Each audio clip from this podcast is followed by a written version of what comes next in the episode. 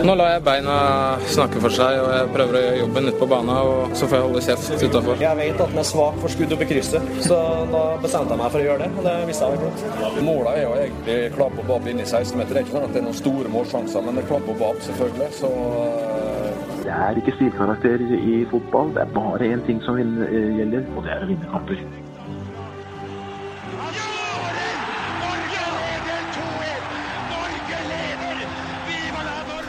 Og der er uh, toppfotball tilbake igjen.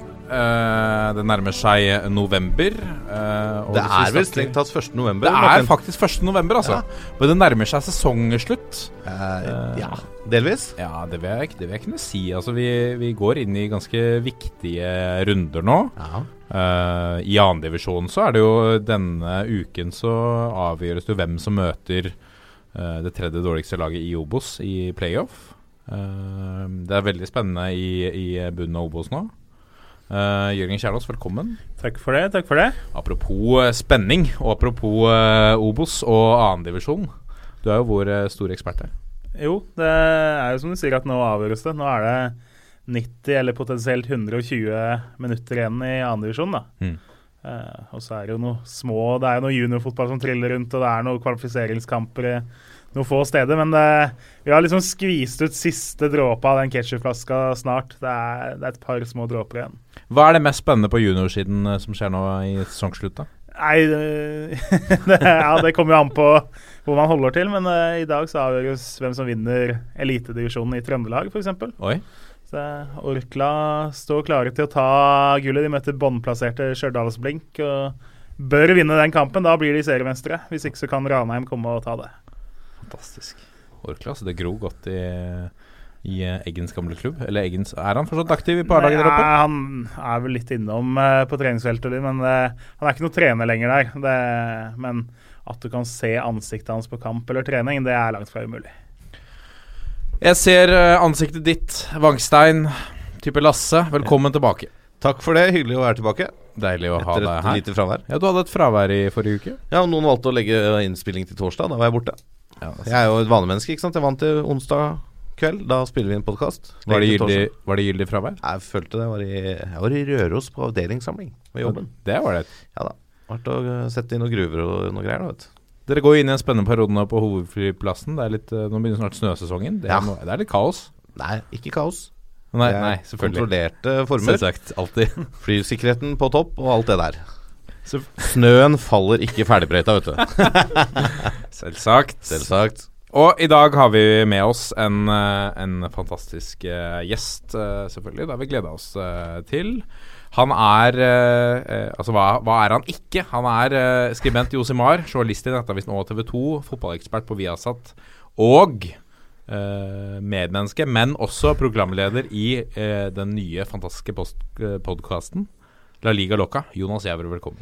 Tusen takk for en introduksjon. Der er det Den var helt ok. Ja, veldig mye jeg har drevet med i livet mitt. Jeg er ikke like mye TV 2 lenger, men eh, Nettavisen og, og så ses jeg vel eh, ganske regelmessig nå på, på Viasat, i tillegg til Josimar. og Dukker opp her og dukker opp der, og så er La Liga Loca. Det går i. Det er mye fotball. Veldig mye fotball. Ja, deilig. Veldig, veldig mye fotball. Ja, du er vel hva vi kan, må betegne som fotballekspert. For du, du, uttaler deg her og der og skriver mye og uh, Hvordan, hvordan uh, føler du deg som en fotballekspert? Eh, det, er, det, det, er jo dine ord, da. Mm. Men, uh, men jeg har jo blitt kreditert med det på TV og sikkert andre steder også, så det jeg føler vel egentlig bare at jeg er eh, Jonas Hever fra Oslo sentrum som ser eh, obscent mye fotball og analyserer obscent mye fotball, og mm. på den måten kanskje vet noe mer om fotball enn uh, Ola Nordmann. Mm. Uh, synes sånne eksperttitler er, det er kjempekult å ha. og jeg har jo nå opparbeidet meg såpass at hvis jeg sitter i en fotballdiskusjon og folk er uenige med meg, så har jeg et sånn go to-bilde på Instagramen min hvor det står 'Jonas er fotballekspert', som jeg bare viser og sier Der, du hører på meg. Ja. Ferdig. Bruke eh, ekspertkortet, liksom? Ja, det syns, syns det er greit. Har du det på CV-en din eller på LinkedIn? Fotballekspert. Nei, jeg har ikke det ennå, men det er kanskje jeg burde legge inn. Jeg bare legge inn. Ja. Det er dessverre ikke en beskytta tittel. Dessverre ikke en beskytta tittel fotballekspert, det har vi erfart. Uh, men det er godt å få litt eksperter som ikke har spilt selv, syns jeg. Og som ikke er eksperter i den kraft av at han har sikkert veldig peiling. Han har rulla den ballen på i, i, i mange år. Uh, det er uh, veldig fint. I dag skal vi ikke snakke så mye om La Liga, Jonas. Det må jeg skuffe deg. Ja, det gjør jeg på mandag. Jeg har jo Den stolen du sitter i, pleier Petter Wæland å sitte i. Så Ja. da får du ganske mye La Liga, og veldig mye rettelser og gode eh, poenger og det som er. Men eh, det er greit å slippe han flere ganger i uka enn bare mandagen, altså. jeg ser ham på torsdag. Jeg er glad i han. Petter er fin fyr. Men hvor ofte er dere spiller inn La Liga Loca? Er det en gang i uken? Det er en gang i uka. Uh, spiller vi inn på mandager, og så er det tilgjengelig mandag kveld. Uh, som regel tirsdag er vel kanskje for folk som er på skole og på jobb og sånt nå. På tirsdagsmorgenen så prøver vi å gi litt deilig spansk fotball da, til, til folket. Og har fått mye, veldig mye gode tilbakemeldinger, og det virker som vi har eh, truffet nisje. da, Og får flere og flere som blir interessert i spansk ball, og vi håper jo at dere hører på også. Så, og Vi er utelukkende interessert i norsk idrett, vi, og Ah, okay. deres er fotball. så- Kun norsk fotball. Nei. Vi får prøve, å- prøve å få Vadim Demidov og Sander Berge og sånne oftere med i episoden Ja, våre. Ja, det var for øvrig et veldig bra intervju. Takk for Altså, det. den har jeg altså hørt. Takk, Skal takk. innrømme at jeg hører. Jeg skal innrømme. Takk. Ja, skal Det, innrømme. Det, ikke si det så høyt, da. Vi eh, må gå gjennom litt hva vi skal eh, snakke mer om i dag. Uh, vi skal selvfølgelig bli enda bedre kjent med Jonas uh, Giæver. Um, I pulsen skal vi selvfølgelig se nærmere på landslagstroppen mot Makedonia og Slovakia. Endelig Martin Nødegaard! Og endelig Kirkevold på landslaget.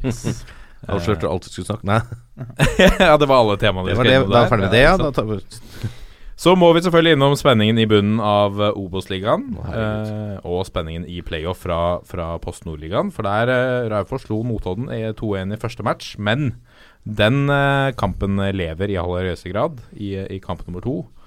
Eh, så skjer det ting i godset. Eh, folk, for, folk forsvinner. Tar, får seg andre jobber, kanskje. Eh, og så eh, skal vi også ta for oss en eh, en kronikk, og vi må innom eh, kvinnefotballen i uh, denne sendingen også. Uh, det er en del stemmer som nå taler høyt uh, til fordel for kvinnefotballen, og det vil vi gjerne være med på. Og det er, der er det et par aspekter som vi må diskutere litt. Og så skal vi ta, ta for oss denne hetsen som vi har fått på e-post. Ja, den er jeg spent på. Den er du spent på. For jeg satt og hørte på forrige episode, selvfølgelig. Ja. Og gleda meg virkelig til å høre om hets. Ja. Og så kommer det bare Nei, nå er vi ferdig. Ja, jeg vet, litt vi, skuffa der. vi rakk ikke hets. Nei, jeg skjønte. Nei, Gleder meg til i dag. er det en ting man kutter ut fra en episode, så er det kanskje hets. Det er hetsen fort eh, går utover når man må kutte. Men skal vi ta skryt, da, eller? Eh, skryt? Ja, Har vi fått skryt? Vi har fått skryt. Å, ja, Ja. vi har det. Nå er dagens eh, selvskrytspalte her i Toppfotball. Da. Skal bare lene meg tilbake. Ja, nå skal du lene deg tilbake. Den er, denne kom for noen dager siden. 24. oktober. Veldig fin dag. Å ja? Bursdagen min. Å ja. Gratulerer med dagen. Ja, Det er en stund siden. På, et, på etterskudd, da. Takk, takk for det. Takk for det, takk for det. Eh, Videre. kvalitet fra A til Å. Fem stjerner. Fra Millester.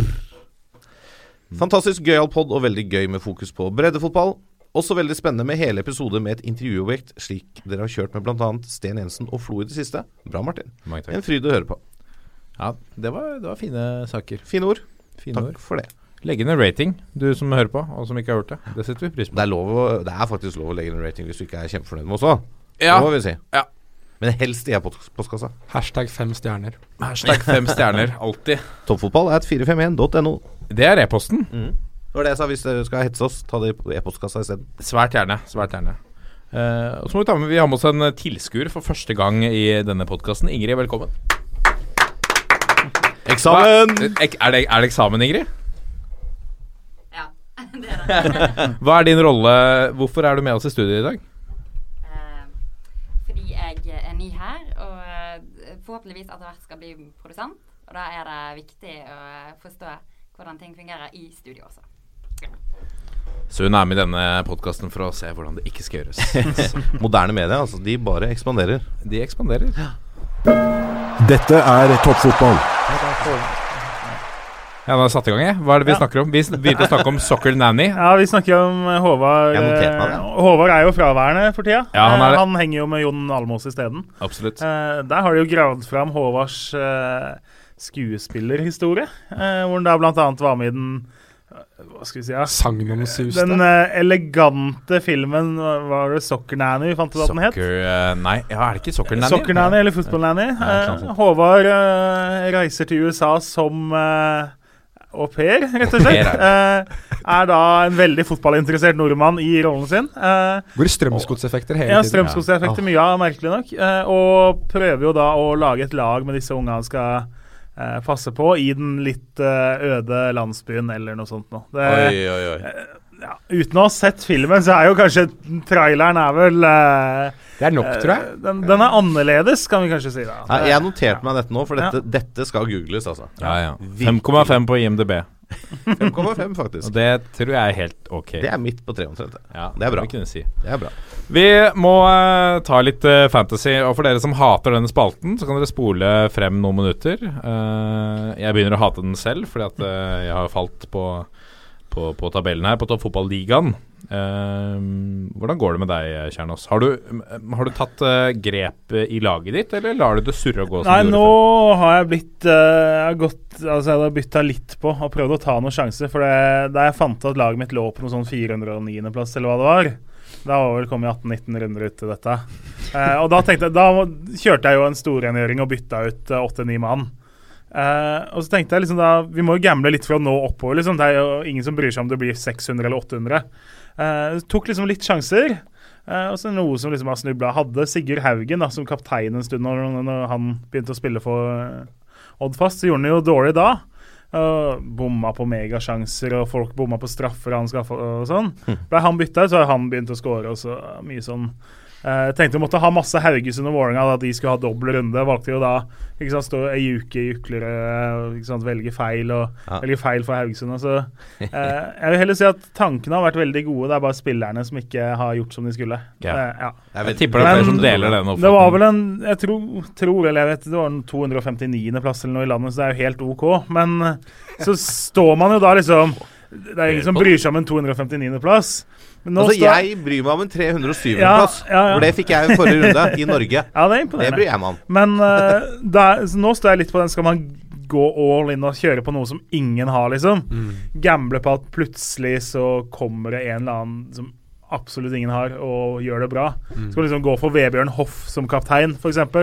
Det er klart det lykkes én av tusen ganger, men uh, når, hvis det først lykkes, er du den eneste, da. Eh, eller skal man faktisk bare safe inn eh, og vinne studiokampen, for der ser det jo lyst ut. Der ser veldig lyst ut. Så det, det kan hende vi velger den litt feige varianten hvor vi går faktisk for det og bli et sted rundt 200-400 og heller knuse dere. Ja, det hadde jeg gjort òg, hadde jeg hatt muligheten. Ja, for du ligger jo nå på en, en god 15.-plass Ja, det, er litt, det er litt for langt opp liksom, til at det kan bli noe sånn der ordentlig fint. da, For det er 100 poeng opp til toppen i ligaen vår og 150 poeng opp til toppen i Norge. og sånn, Så da, det løpet er liksom kjørt med mindre du har tidenes mest episke fantasy-runde i alle ligaer som er fantasy. Så øh, jeg tror vi, tror vi sikrer oss øh, seieren her, og det ser jo OK ut. Bårdsen ligger på Altså Han er nest best i, i toppfotball eh, eh, Studio. studio, i hvert fall. eh, på en 43.-plass. og du har eh, Jeg tror du har klatretrøya, hvis den finnes i Fantasy Wangstad? Ja, 33 plasser opp Det er i, fantastisk. i vår. Eh, jeg har jo satt rekord. Aldri hatt så mye poeng. Før var det 76 som var toppnoteringen min. 89 poeng den runden her, altså. Det var f Hvem er det som gjorde det for deg? Du, det var faktisk eh, mange. Ja. Jeg hadde liksom ingen sånne der som hadde 28 poeng. Jeg hadde flere spillere mellom 12 og 15. Altså Kinvi Carlsen 12, Lene Olsen 13, Vangberg og Sigurdsson 14 og Girardi 15. Så jeg hadde flere som plukka sånn Jevn stall. Det er nøkkelen, altså. Og så hadde jeg Bentner. Han fikk bare to, ikke sant. Men Ja. jeg hadde jo regna med han skulle skåre noen mål, da. Men det, han droppa det. Zakariassen, hadde du han da? Nei, hadde ikke. Men jeg hadde Diatta, da. Det er jo fint. Endelig nå, sånn, Sarpsborg skårer fem mål. Diatta er ikke involvert i ett eneste mål. Gratulerer. Var det jeg så? Han skal selges for 40 millioner, hæ? Ikke sant? Jeg så den kampen, så tenkte jeg bare OK, Storstein til Sarpsborg. Selvfølgelig. Krepen Diatta er jo selvfølgelig involvert. Kanskje i fire av målene. Ja, ja. Og samme, Null! Null. samme å sitte med i Juke, da, som vel hadde null målpoeng når de skåret syv mål i uh, Stavanger. Ja. Det, det var ikke så gøy, det heller, da, på en måte. Det, men jeg tok meg jo faktisk i altså, Jeg tenker at man skal ha et avslappa forhold til dette. Eh, så hadde jeg et spill i LSK Ålesund, Odd-spill, eh, på da under tre mål i den matchen. Som betyr at du får tilbake penga hvis det blir tre mål, vinner hvis det blir null eller én eller to, og så taper du penga hvis det blir fire og mer. Så har jeg jo Knutson på laget mitt. Så når han skårer 4-0, så var det litt sånn Faen, de penga forsvant, men det var i hvert fall bra det var han, da. Og det er litt sånn Det er litt ekkel følelse å sitte på. For man vil jo heller ha de penga i lomma enn eh, fem fantasypoeng, men det var liksom en, Ja, li det? det var en liten trøst, da. Det var det. Hva med deg, Jonas? Du er ikke med i, eh, i vår liga, som nå er lukket. Nei, det er like står greit, jo om store premier i, i ligaen, selvfølgelig. Det er like greit at ikke jeg er med der. Hvordan, hvordan ligger du an? Nei, altså det er jo blitt til det Jeg har hatt runder hvor jeg rett og slett glemmer å bytte. Eh, og nå hadde jeg vel Benjamin Stokke som kaptein, tror jeg. Uh, og det sier vel sitt kanskje Det er lenge siden det lønte seg. Oppsummerer min, min runde rimelig greit. Nå var jeg inne og gjorde to bytter nå. Uh, hvem var det jeg bytta inn? Husker ikke engang hvem det var eh, i farta. Men uh, jeg har det på samme, samme som uh, Soccer Nanny, på eh, 1213 poeng eller noe sånt nå. Jeg ligger greit uh, Jeg ligger helt ok an i, i de internligaene jeg er med i. Uh, og og det, det overrasker meg jo veldig med tanke på hvor dårlig det går. Jeg har liksom ehm, Hvem er det jeg har på laget nå? Jeg husker ikke det engang. Jeg, hadde, jeg har vel uh, Patrick Mortensen er vel fortsatt. Um, Han lenge siden har skåra nå. ja, det er det. Er det. Uh, Ohi er jo bytta jeg inn nå igjen, så jeg håper jo at det kanskje hjelper meg litt. At jeg er en av de som kaster seg på det Ohi-toget med en gang det begynner å trøkke på igjen. Nei, jeg husker ikke. Sigurd Larsen har jeg. Det, Ja. det er liksom det eneste som kanskje har lønt seg. Ja. Så jeg har egentlig ikke så veldig lyst til å snakke om fantasy, for jeg syns det går skikkelig dårlig. men ehm, Jo, jeg må, vi går videre, da. Jeg kan si at jeg ligger på en eh, 85.-plass. Uh, det er skuffende. Jeg var oppe på topp 50, til og med topp 30 på et tidspunkt. Det har gått i dass. Dette er toppfotball. Så Jonas, um, hvor mye får du fulgt med på, på, på norsk eh, fotball, da? Du er jo eh, ihuga La Liga-mann og uh, Champions League og det ene med det andre. Ja, det er jo gjerne sånn at helgene mine går til å låse meg selv inne i, eh, i heimen og ha gjerne på to-tre, kanskje til og med fire skjermer med fotball. Og da prøver jeg jo selvfølgelig alltid å få med meg Jeg er jo den gang journalist i Norge, så jeg burde kanskje vite hva som skjer i Norge også. Så det blir jo gjerne mye norsk fotball også, og så dekker jeg jo litt kamper her og der, så jeg drar jo litt rundt og, og ser òg, og da må jeg jo vite hva som foregår, selvfølgelig. Ehm, så det går mye til norsk fotball. Det var, for noen år siden så var det ikke like mye, faktisk. Uh, sammenfaller litt med at uh, interessen gikk litt ned uh, i, på slutten av 2000-tallet, og så har den pika veldig de siste tre-fire åra, vil jeg si. Så jeg følger veldig mye mer, mye mer med, med på norsk fotball nå enn jeg gjorde for uh, mens jeg studerte i England, f.eks. Da, da så jeg vel ingenting, nesten. Nei. Så det, det blir veldig mye norsk fotball, altså. Er det mye pga. jobb at du ser mye mer norsk ball nå? Det har blitt det, i hvert fall. Mm. Jeg må jo øh, som, altså, som sagt, jeg jobber jo mye med fotball og jobber mye med Eliteserien, og da må jeg jo være oppdatert uh, på det. Og du kan ikke sitte jeg, jeg er ikke Det er mye du kan lese deg opp på, men, men du må også ha sett mye. Hvis ikke du har sett uh, lagene du skal dekke, eller menneskene du skal snakke med eller intervjue, så er det rimelig håpløst, syns jeg. Så det er mot sin hensikt å ikke se, syns jeg. Du har jo hjulpet oss mye. Altså, vi, vi har jo snakket en del ganger på telefon når du har sittet på desken på Nettavisen, og jeg har jobbet på, ute på stadion Ja, og Kjempeflink. Eh, Så har Jonas ringt og bare Du, har dere, han har hatt et tips til, eh, til gjester og sånne ting som han vil høre om i, i, i poden. Ja. Så Jonas har trukket i trådene litt i, før han Ja, ble sittende i studio her. Ja. Før han fikk, fikk sin egen pod også. Ja. Fantastisk. Ja, jeg har vel uh, Han har trukket så mye gjester inn nå at det nå fortjente han å være gjest. er det Ja, det måtte få, ja, men det Ja. var på tide at du fikk Ja, det det var på også. tide. dette, kalles, dette kalles networking. Networking. ja, det er akkurat det. Jeg er så dårlig på networking, den, altså. Men hva har vært eh, de høyde, store høydepunktene for deg i, i norsk ball eh, så langt? da? Eller høydepunkter og nedturer? Hvis du skal trekke frem noe. Er vanskelig å komme unna den Tyskland-kampen som en, den virkelige nedturen, da. Mm. Mest fordi at man, man trodde kanskje ikke at man skulle Jeg husker jeg sto og snakka med, med, en, eh, med en kompis av meg eh, da jeg var og handla. Han er kjøpmann eh, på disse butikkene borti her. Jeg er jo fra sentrum. Han er kjøpmann.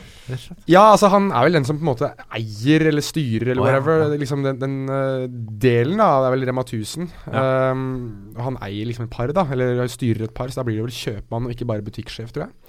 Ja, riktig. Uh, så han, uh, han jeg sto det var, Dette var da på dagen før uh, Nei, altså på dagen Norge skulle spille mot Tyskland. Og spurte jeg ja, tror du Nei, det blir vel, blir vel 4-5-6-0, da, sa jeg. og så liksom på spøk, og så ble det jo det. Og, og Nei, altså å bli rundspilt så til de grader er greit nok at Tyskland er verdensmestere, men, men når man har ansatt Lars Lagerbäck og skal være solide defensiv og spille en mer kynisk, uh, resultatpreget fotball, og så blir du da banket såpass av Tyskland Det var en ordentlig nedtur, synes jeg. Men, men en opptur, hvis vi skal gå til det, det er det folk syns er mest morsomt å høre om, var uh, Jeg var på Lerkendal da, da Rosenborg slo Ajax. Ja. Uh, Samuel Adegbenro-show. Det Fantastisk. Ja, det var Da rista det faktisk i hele Lerkendal. Og det var Som journalist så var det mektig å, å, være med på. Det var mektig å se liksom um, flere storheter, da. Flere Ajax-storheter liksom se ordentlig Jeg så Edin van de Saar blant annet. Uh, var på Scandic Hotel på Lerkendal. Da kom jo han og gikk og var i godt humør. Mm. Når du så ham på kvelden etterpå, ikke like happy. så det var um, litt sånn surrealistisk, og sikkert også fordi Jeg er jo da 25, så jeg var jo veldig veldig liten da, da Rosenborg hadde sin storhetstid i Europa. Det var kanskje en slags throwback til det. Litt sånn følelse av hva kanskje veldig mange følte som jobbet, og som var uh, tett på Rosenborg på den tida. Det de kanskje har følt uh, på 90-tallet. Så det var, veldig, det var, veldig, moro og veldig stort å, å, få være med på. Så det Rent privat så vil jeg vel si at det har vært den største oppturen. da. Mm. Så det, det var veldig moro. Jeg kommer ikke unna den der U21-kampen som vi ble satt i 0-3 altså, pga. Kristoffer Haier. Nedtur, ja. Jeg syns nesten det er større nedtur enn 0-6 mot Tyskland. Ja, den er også den er, jeg, tenkte også på den. jeg tenkte også på den. Men jeg Jeg, jeg, jeg, jeg skjønner poenget ditt. Altså. Jeg syns at på U21 så handler det om å utvikle fotballspillere og utvikle de som på sikt skal bli Altså, jeg gir meg U21-EM-gull eller uh, A-lagsgull, ja, ja, så er det liksom åpenbart at jeg går for Men det at de spiller så bra på U21 mm. uh, det, for, for, meg det overskygger litt kanskje den der grusomme feilen der. Altså ja, De ser så bra ut på banen. Mm. Um, da er det selvfølgelig trist å bli frarøvet de poengene når uh, det er en feil i uh, oppsett og feil i forståelse av regler, tydeligvis. Så, Men uh, stemningen på, på Lerkendal, du snakket om at det kokte riste. Altså, de har fått mye kred med rette på, på Lerkendal-Rosenborg-fansen. Mm. Fordi den støtten som mer ligner på noe vi er vant til å se kanskje i, i Tyrkia, eller kanskje vi ikke er på helt det nivået at det er galskap, men du ser mye europeisk fotball. Hvordan, hvordan setter du Rosenborg-fansen opp mot supportere fra, fra andre storlag i Europa? Fra andre storlag, hørte jeg sa det. Mm. Andre storlag, ja. andre storlag i Europa. Um, det blir veldig relativt og spekulativt og alle mulige andre hypotetiske begreper jeg kan komme på. Um, jeg synes at det på sånne kvelder som det, det er ikke akkurat representativt. da. Uh, det skal jo være noen som er gjennomgående. Nå er ikke jeg på Lerkendal uke inn og uke ut. Jeg har liksom ikke noe å sammenligne med heller. Uh, jeg synes at på den kvelden der så var de topp, topp, topp class. Og det var vel Celtic som ble kåret til verdens beste fotballsport eller noe sånt under den derre The Best-kåringa som Fifa ruller ut hvert år. Eh, så jeg vet liksom ikke jeg, jeg, klarer, jeg, har jo ikke vært på Celtic Park heller, så jeg vet ikke om man kan sammenligne med det eller med noe annet. Så jeg, jeg synes bare at eh, man, sånt må man bedømme fra gang til gang. Altså det er jo sikkert Altså Wangstein kan sikkert fortelle om klanen på St. James' Park f.eks. At ja. det sikkert var mye mye bedre enn det man så nå. Jeg, jeg jeg synes, jeg synes, de var flinke. Jeg synes, synes, at de støtter opp under laget sitt. Og selv også når Fordi, fordi Ajax snudde jo alt sammen på et minutt, eller tre minutter, eller hva det var for noe. Altså To kjappe skåringer, og det så ut som alt sammen falt sammen. Og de fortsatte jo da òg. Så, så, det er lag, eller et supporterskare som støtter opp, opp, bak laget sitt. Men det er jo også enklere når de er så suksessfulle. Mm. Alltid morsommere å stå og heie på et lag som vinner, enn et lag som taper. Mm. Jeg synes jo Jeg, jeg mener jo at Rosenborg er, er, det klart beste Altså har de klart beste supporterne i Norge eller den beste supportergjengen. Og som du sier, Det er lettere når du har et bra lag å holde med. Ja. Så klart at uh, da blir det god stemning. Vinner laget ditt, så lager du god stemning. Men det som i hvert fall, uten å ta hele debatten, da, det som Rosenborg-fansen har fått da, Nå har de en klubb som faktisk hører på supporterne sine. Legger skikkelig til rette. Det, for noen år siden så bytta de over til østre eh, tribuna. Fikk den plassen øverst der. Mm. Før så sto de jo nederst på motsatt side. Det var ikke en like bra tribune. Og så blir de hørt av Altså har de forskjellige ting som de vil snakke med klubben om, så får de et møte og de snakker om det og blir enige om hva er den beste eh, saken. Mens andre steder så har det jo til tider vært litt sånn oss mot dem, klubb mot supportere, nesten. Altså mye forskjellige krefter, og man har ikke hatt en forent supportergjeng som har hatt samme ønske heller, da. Uh, så Rosenborg-fansen er bra, og de fungerer veldig bra sammen med klubben. Og det, det, er en viktig forutsetning for å være gode på tribunen nå, i hvert fall i Norge. Jeg er litt enig med Jonas her, for det, da jeg så kampen på TV-en, og sånn jeg oppfattet den gjennom TV-en Og jeg har bare sett Champions League-kampene på 90- og 2000-tallet gjennom TV òg. Det var litt den samme følelsen jeg satt med, Mm. med den stemninga på Lerkendal. Selv om kanskje stemninga under Champions League-eventyret var litt mer hva skal vi si, flat sånn i forhold til hvordan det er nå. Det var ikke like mye sanger, og det var den derre Rosenborg eller Ja. den biten der. Men det var noe med den stemningen og den derre eh, hele auraen rundt den kampen mot Ajax, og sånn han endte. Det, da tenkte jeg liksom Dette er faktisk eh, Dette minner meg om Rosenborg eh, da de virkelig trøkka til, altså. Eh, og det må ha vært fantastisk gøy for Rosenborg-supporterne å ha en sånn opplevelse òg. Mm. Selv om det bare var Europaliga-kvalik. I hermetegn. Altså det er eh, Det er mange av de Rosenborg-supporterne som ikke har fått lov å være med på hele den der Champions League-oppturen. Dette er deres referanser nå, liksom? På- dette er deres referanser, For jeg husker jo det da uh, Vålerenga var det første laget som tok seriegullet fra dem. Så var det liksom Ja, men dere har bare opplevd Dere er bare megasupportere. Aldri opplevd noe annet enn suksess, ikke sant? Og det er derfor dere er mange, og det er derfor dere er gode. Men de har jo hatt noen år med noen nedturer Ja. hvor de ikke har vunnet, hvor de har blitt dytta litt grann ned. Så har de fått nye supportere, de har yngre supportere. Jeg er helt enig med Jørgen. Akkurat nå så er det lite som slår stemninga på Lerkendal når eh, Lerkendal setter i gang. Selv om sikkert noen av mine gode venner i blått uh, syns det er teit at jeg sier det, men, eh, det, men sånn er det. Og da, da må bare klanen og Kanarifansen og eh, hvem det måtte være, bare plukke opp hansken, altså. Mm. Så får klanen vise da at den der blå veggen på, på Intility stadion skal bli så massiv som han hørtes ut i den første kampen eh, tidvis. Få fylle den hver kamp. Ja. Og deilig å få, få skikk på laget, så kanskje det blir ordentlig bra supportersamling i Norge igjen på flere arenaer. Det er, hadde jo ikke vært noe som er mer gøy enn det. Nei, absolutt. Har du noe eh, norske favorittlag da, Jonas? Jeg har øh, Eller er du sånn som holder det tett til brystet, liksom, i Jeg- kraft av din rolle? Jeg øh, er øh, Altså, jeg har jo selvfølgelig litt vanskeligheter med å si det men da jeg er journalist og skal være nøytral Mm. I alle fasetter og fasonger og det som er, men, øh, men jeg kan jo si som så at jeg er fra Oslo. Jeg er fra Oslo sentrum. Ehm, da jeg har gått på Møllergata skole, som er midt i, smack midt i øh, sentrum. Jeg har gått på Ila skole, som er ikke noe Ila fengsel, men uh, i Iladalen. Som er på Sankthanshaugen, og jeg gikk på Oslo katedralskole, som også er smack midt i byen. Um, og er du fra sentrum, så er det to lag. Det er enten Lyn eller Vålinga. Uh, Vålerenga. Nei, altså Skeid var, var en sånn liten skare med Skeid-sportere. Det er noen sånne superhipster-supportere som liker da Gryner, som du nevner. Mm. Noen som liker Frigg osv. Um, og Sagene hadde også en sånn bitte liten supporterskare en gang i tiden. Det var litt moro, det òg. Men uh, for min generasjon så er det Lyn og Vålinga Den, den rivaliseringen der er, eh, er det jeg er oppvokst med. Og jeg er, som da veldig mange av mine kompiser, er supporter av en av de to. Eh, Det kommer sikkert veldig fram utover i denne episoden hvilke av de to det er. Men eh, jeg eh, Nei, det, det, det, er du fra Oslo, så er det en av de to for meg. Og, og i mitt, mitt hjem så var det kun én. Um, og det er, det er sånn det er for, for min generasjon. at når Vi begynte på Vi hadde folk som begynte i klassen vår, og sånt, så var det rekrutter, rekrutteringsprosesser. Altså enten Vålinga eller Lyn. Du skulle være en eller den andre. Um, da det var Derby-kamper, så det var alle sammen på skolen min. Altså på, på Ila, og det var da mest den realiseringen fungerte. Så, så noterte man seg det i blokka. Det var, altså det var de to dagene som, hvor alle sammen, hvor skolen vår kokte. Da, da var, gikk alle i drakter. Enten det var blå eller, eller rød og hvit. Altså det var, eh, det var det store. Så for meg så er Lyn mot Vålerenga er større enn LSK mot Vålerenga, eller Lyn mot, Vålinga, nei, Lyn mot LSK, eller Rosenborg mot, uh, Brand, mot Brann, eller Rosen, Rosenborg mot uh, Vålerenga. Hvem, hvem det måtte være som kommer til Oslo, så var det alltid størst når Lyn møtte Vålerenga. Mm. Um, så, så man har blitt malt veldig av det. Og jeg har vært på, har vært på fester hvor det har vært veldig klart hvilket lag Nå er det jo som vi har nevnt at jeg er jo fotballfrelst til 100 og 1000, og det var jo veldig klart da jeg gikk på, på ungdomsskolen hvilket lag jeg heide på. Jeg kom, jeg kom på ungdomsfester og sånn hvor folk har spilt musikken til eh, det andre laget kun fordi de veit at jeg kom for å terge meg. så jeg har et av de lagene som jeg er veldig glad i. Da selvfølgelig Med, med jobben min så har det blitt litt mer nøytralt, eh, men jeg har fortsatt godt øye til, til en av de to.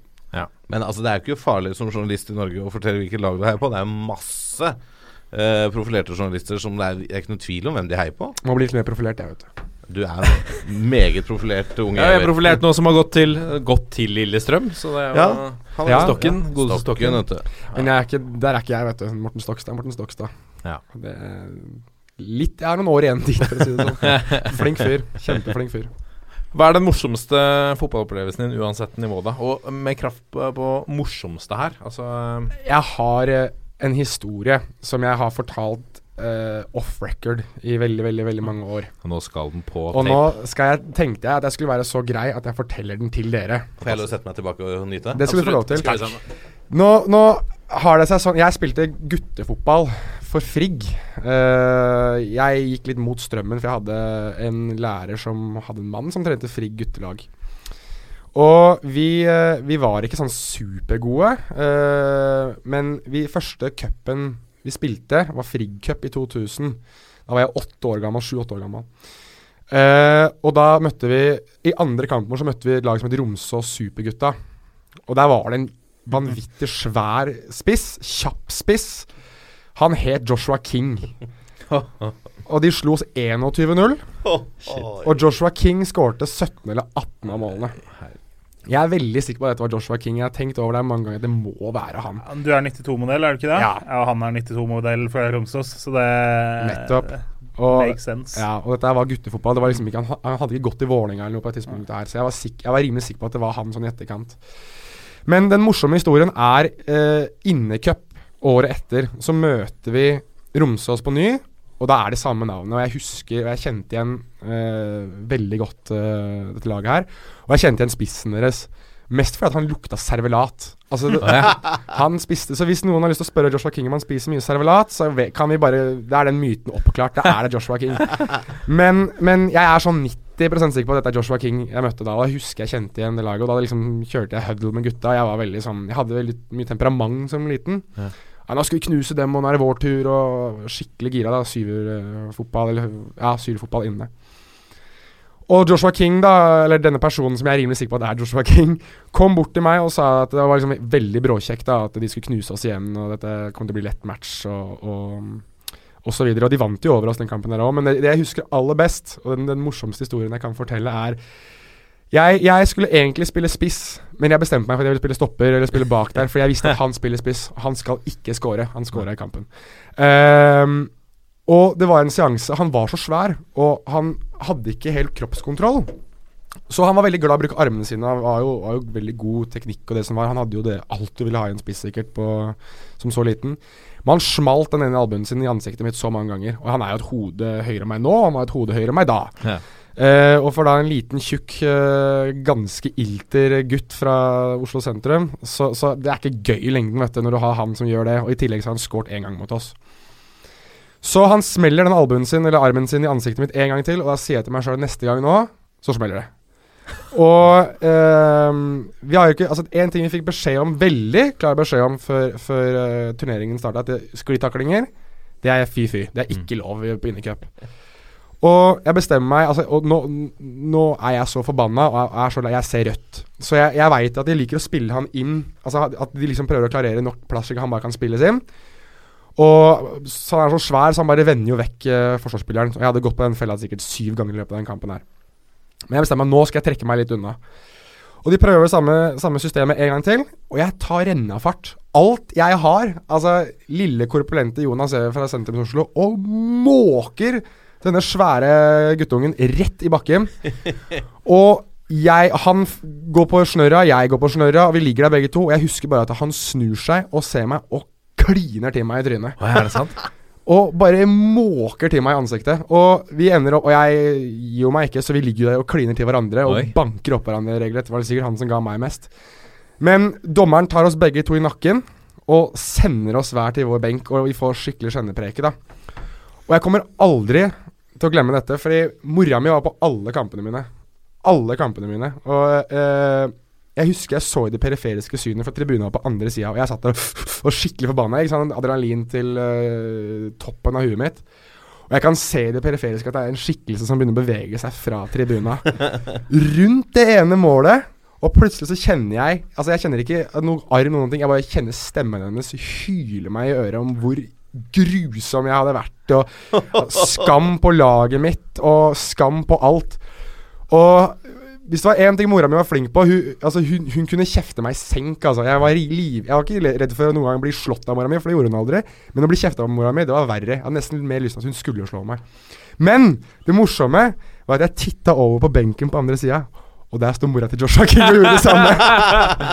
oh, fantastisk. Men dette, da har jeg bare en soleklar oppfordring til eh, Karina i Nettavisen. Ja. Eh, Jonas må dekke neste landskamper. Ja. Send av gårde. Joshua er i troppen.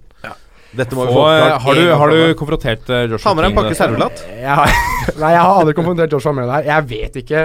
Jeg har sagt til meg selv at jeg er 90 sikker på at det var Joshua. Og det kan godt være. Jeg er rimelig sikker på at hvis du spør Joshua, så kommer han til å ikke vite hvem jeg er, ikke vite en situasjon, ingenting. For han har da hatt en utrolig god fotballkarriere og er i min, uh, min oppfatning Norges beste fotballspiller. Uh, beste fotballspiller fra Norge og har jobbet seg mot det Uh, og fortjener all mulig honnør for å ha stått i det når det har vært som vanskeligst. Men jeg kan si 90 sikkert at jeg var der fra starten og har kjent fysisk krafta til Joshua King. Og at du holdt på å stoppe karrieren hans, kanskje? Der på det da. tidspunktet? Ja, ja, ja. ja Han sleit mye med skader som ung. eh, Han gjorde det. så, vet du. Vet Kanskje vi hadde vært i mesterskap, hadde det ikke vært for deg, eh, Jæver? Ja, nettopp. Det er jeg som Å, tok, fy faen, det ble, historien her ble ikke så morsom lenger. Nei, det ødela den for meg nå. Nei, eh, nei, men den historien den har jeg fortalt uh, opp ned i mente. Det, jeg har eh, Mora mi husker den historien, hun òg. Nevnte den for meg eh, for noen år siden. Om at jeg Husker da, da du gjorde det på Joshua King, eller? Ja, jeg husker det. mamma. Så det, det er min morsomste opplevelse på fotballbanen. Slash tragikomiske nå, da. Nå har jo Ja. du ødelagt den litt. Bra, Martin. Beklager det. Da har du fått svar på hvem som er din norske favorittspiller blant dagens spillere. Det er Joshua King. da går vi videre. Hvem er din norske favorittspiller gjennom tidene? Ehm, ja, 90-tallsgutt. Altså, Ole Gunnar Solskjær må jo være, må jo være den jeg Altså igjen, da. Nå har jeg jobbet eh, så sent som nå på søndag. Så jobbet jeg eh, i Mixed Zone eh, der Ole Gunnar Solskjær var, og intervjua han da. Og det Altså Som fotballsupporter, i den grad jeg, jeg var og er det, så er jo han selvfølgelig det største for guttunger på 90-tallet. Altså, det, det er vanskelig å finne noen andre. Noen vil kanskje si Jon Arne Riise, eller Jon Carew for den saks skyld. Eh, og Carew er veldig høyt oppe for meg også, men det er Solskjær og Carew, og Solskjær går litt foran. Ja, for du, var, du er United-supporter, er og det hjelper jo sikkert Det hjalp veldig. Ja. Så det han, eh, han uh, Den tid jeg er fotballsupporter fortsatt, er, er det han som står høyest. Jeg husker også første gang jeg møtte Solskjær i mixzone. Og det er ikke så veldig ofte jeg er blitt liksom, Du blir starstruck av noen når du står der, for du er så veldig på jobb. Ja. Så du tenker liksom bare på det. Men da kjente jeg litt på at eh, det er Ole Gunnar Solskjær. Ja. Første gangen han kom dit. Og så Ja. ødela han det litt for meg, for han var så potte sur.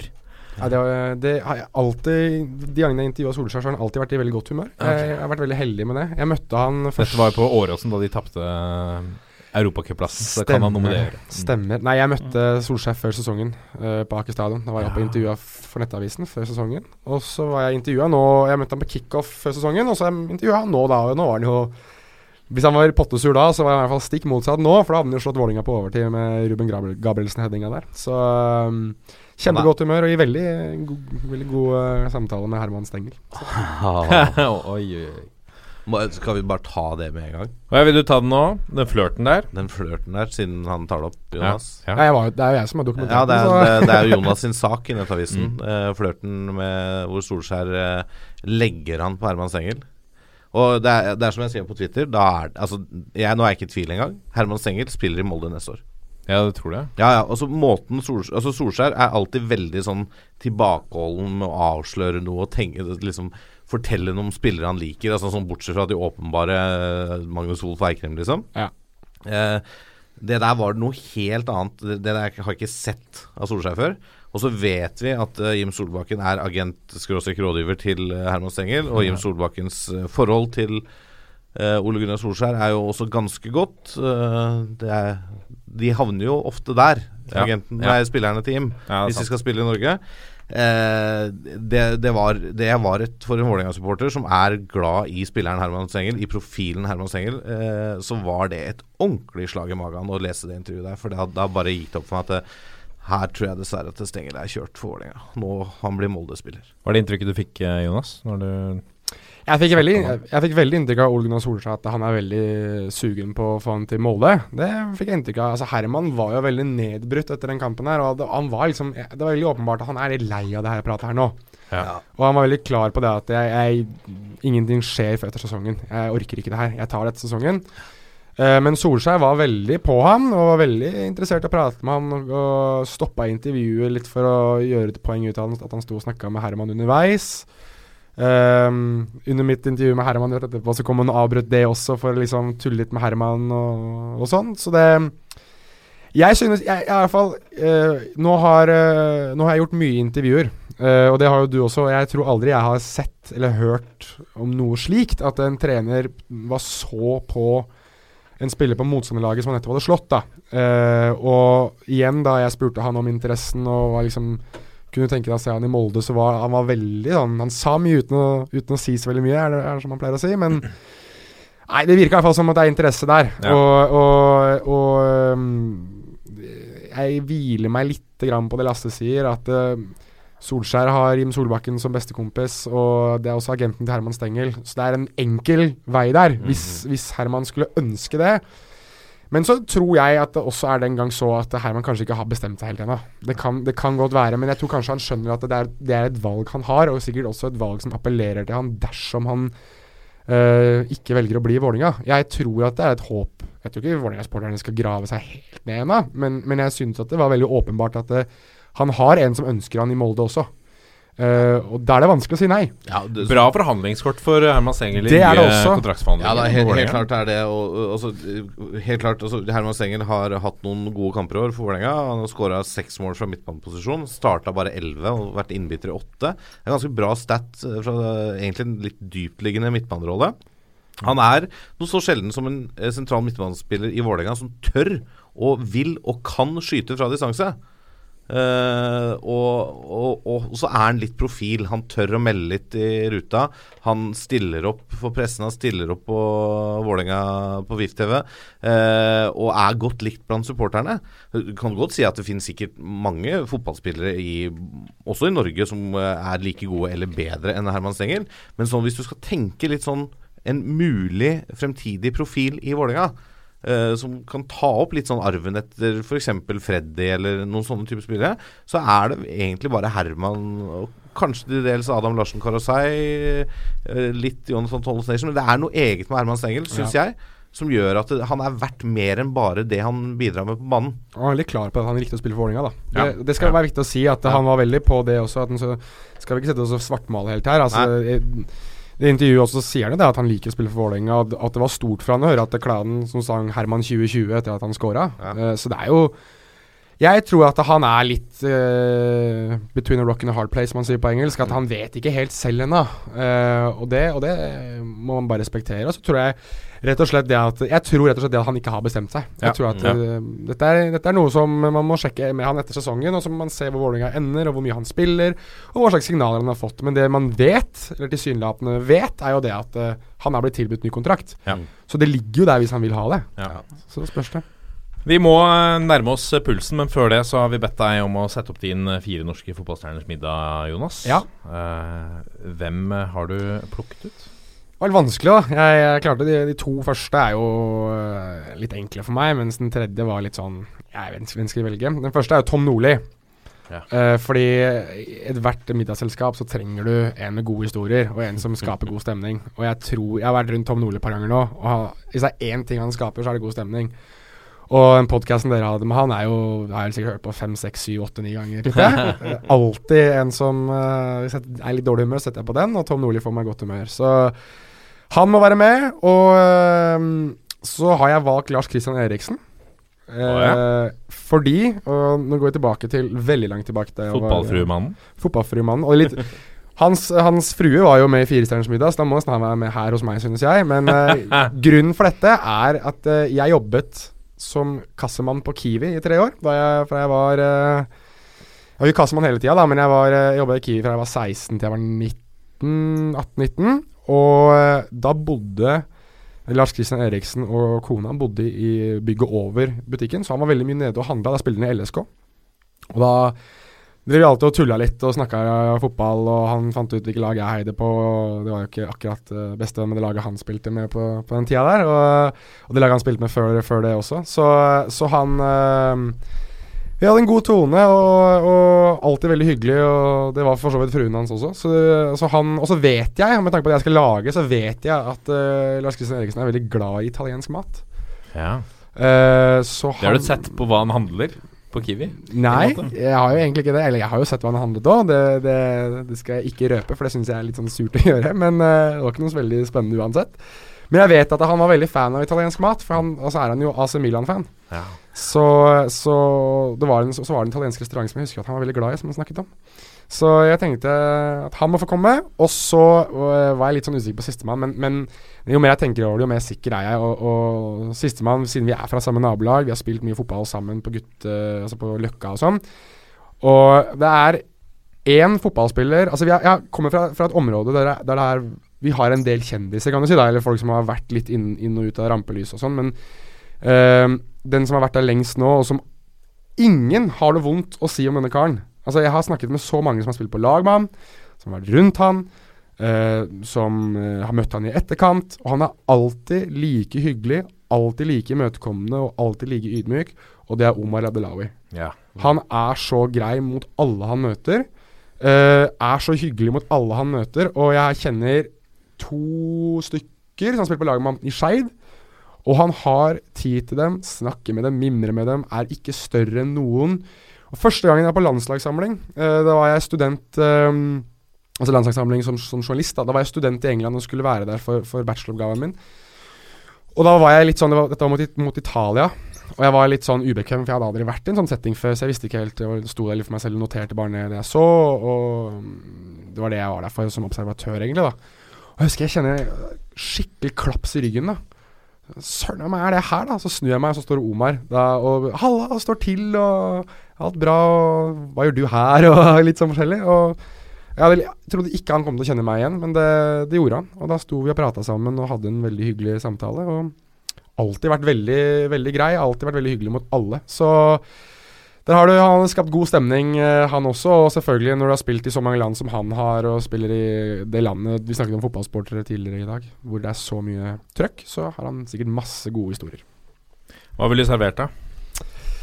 Er det, gang, er, er det sånn at man må ha tre retter? Eller må, kan jeg Det Da velger du hva du har lyst til å by på. da Nei, jeg velger, da får jeg velge to, da. Ja. Uh, for det, jeg lager, og det kan du spørre kompiser, venninner, ekskjærester, det som er, om eh, at jeg lager verdens beste spagettisaus. Det er altså eh, familieoppskrift. Det er altså jeg Driter i hvem du, hvor du har spist den, hvilket land du har spist det, hvor mange Michelin-stjerner. Jeg lager verdens beste. Så enkelt er det. Ehm, så det hadde jeg bydd på. uh, også fordi at jeg vet at uh, Tom Nordli er glad i mat, og Lars Kristian Eriksen er glad i italiensk mat. Og Omar spiser vel sikkert mye pasta, for det gjør jo fotballspillere. Så, så den hadde gått rett hjem der. Og så måtte jeg lage dessert, og jeg lager da også Hvis du er glad i sjokolade, det er jeg, så eh, lager jeg en Nutella og Oreo-ostekake. Oh, Jesus. Som Altså, det, du kan ikke spise mye av den, for da Det er en sjokoholikers drøm. Så det mm, Først eh, Så jeg måtte kanskje ha bydd på noe sånn der eh, Lagt ut noen sånne soveposer og sånt, så jeg hadde kunne sovet ut uh, sukkerrusen som sikkert har fått alle sammen der. Så det hadde jeg bydd på. Fantastisk. Og se på den episoden, her. Hadde sett på, og hadde gjerne spist resten. da Nå kommer pulsen. Og Da er vi kommet til pulsen, og vi begynner denne ukens puls med landstrakstroppen mot Makedonia og Slovakia. Eh, vi var inne på det i innledningen. Eh, vi har to debutanter. Potensielle debutanter. Kirkevold, som har bøtta inn mål nå i elleve kamper på rad i Danmark for Hobro. Og Morten Thorsby, som i eh, over lengre tid har levert store ting. Uh, i, altså i periodevis vært bedre for, for laget der kanskje enn Martin Ødegaard. Og så har Martin Ødegaard også kommet med etter å ha vist uh, fantastiske takter glimtvis for, uh, for Heerenveen. Hva er de første tankene etter uh, troppen er tatt ut, Fangstein? Ja, først og fremst tenker jeg at jeg blir veldig overraska hvis ikke de får debuten sin, for det har Lagerbäck mer eller mindre lova. At Ja. de på et eller annet nivå skal få spille. Og derfor starter de innbytter. Men jeg syns det er helt riktig av Lagerbäck å ta de ut nå. For da er det to forholdsvis ubetydelige treningskamper, og skal han ha sjansen til å se noen nye spillere i treningssituasjonen, i kampsituasjonen med de andre på landslaget, så er det nå han må gjøre det. Da må disse gutta med. Og, og så er det ikke sikkert at Kirkevold er der når vi begynner kvaliken igjen uh, neste høst. Det er ikke sikkert at Thorsby er der heller, men i hvert fall Thorsby og Ødegaard er, bør jo være spillere som skal banke på den døra om noen år, i hvert fall. da. Det er en klok løsning òg, at de får være med i, i pose og sekk. At de får være med på den første matchen, og så at de skal da ned og spille U21. For det er klart, etter den seieren over Tyskland der, eh, så lever jo faktisk håpet om å kvalle ennå, selv om vi har null poeng mot Kosovo. Eh, så Det ville jo vært rart å tatt det med og ikke ha det med på U21-landslaget. Så syns det er naturlig. Eh, ellers er det jo ikke noe overraskelse. Altså, Kirkevold er umulig å komme utafor. Eh, Har jo skåra elleve mål i en liga som er et lite hakk bedre enn den norske. Eh, altså, du kan ikke ikke bli tatt ut på landslaget da. Da må du med. Det, for de fleste nasjoner, altså noen av de aller aller ypperste nasjonene kunne liksom vraka en som skårte i elleve kamper på rad på et OK nivå for dem. I Norge så kan du ikke gjøre det. Eh, det hadde blitt for snålt å ikke gi han sjansen, og i hvert fall når det er privatkamper.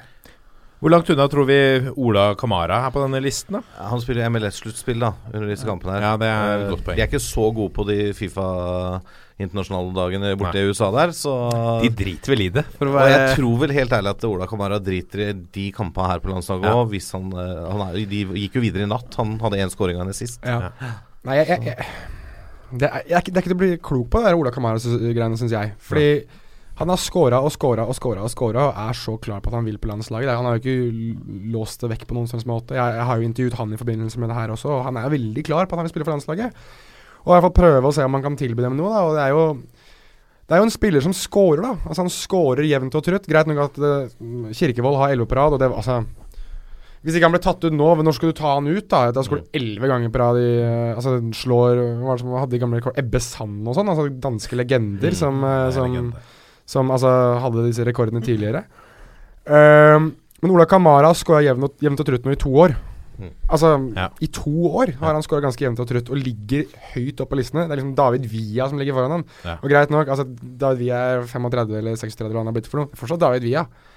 Tatt ut for Spania, da. Ja, nettopp. Ja. og, det. Og og det, og det er et poeng. Laurent Simon altså, tas ut på det belgiske landslaget, spiller for Montreal Impact eller noe sånt. Miguel Almiron spiller i Atlanta United, eller hva det heter for noe, tror jeg. Jeg tror Atlanta United det heter. Uh, altså Han er jo en veldig god spiller og har vært jaget av store klubber i, i, England bl.a. Og har lyst, har lyst til å prøve seg i USA, for der var det kanskje mer penger, jeg vet ikke. Men han spiller for Paraguay. Dette er landslag som er bedre enn det norske landslaget. Eh, og vi kan ikke gi Ola Kamara, som presterer på, på det nivået, vi kan ikke gi han en mulighet.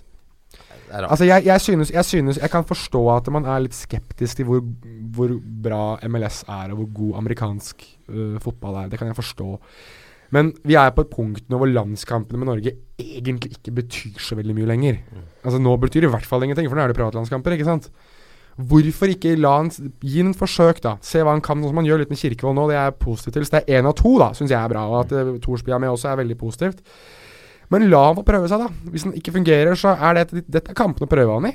Um, så jeg, jeg stiller meg litt spørrende til, til hvorfor han skal med, og, og, eller hvorfor han ikke skal med, mener jeg. Og jeg syns det er fint at Sørloth er med, jeg syns det er fint at Kirkevold er med. Uh, King, selvskreven. Sørlund er jeg, jeg jeg tenker skal, altså, Er ikke landslaget et meritokrati, tenker jeg? Skal du ikke inn fordi du gjør det bra? Det er greit at du har visse spillere som du skal bygge et lag på. og Det er greit nok. Kaptein Stefan Johansen, visekaptein Omar Abdelawi, keepere, forsvarslinja. At det skal være mye av de samme gjengangerne nesten litt uansett. Det skjønner jeg. Men på sånne posisjoner som det, spesielt spissplassen, føler jeg at du kan rullere i mye større grad.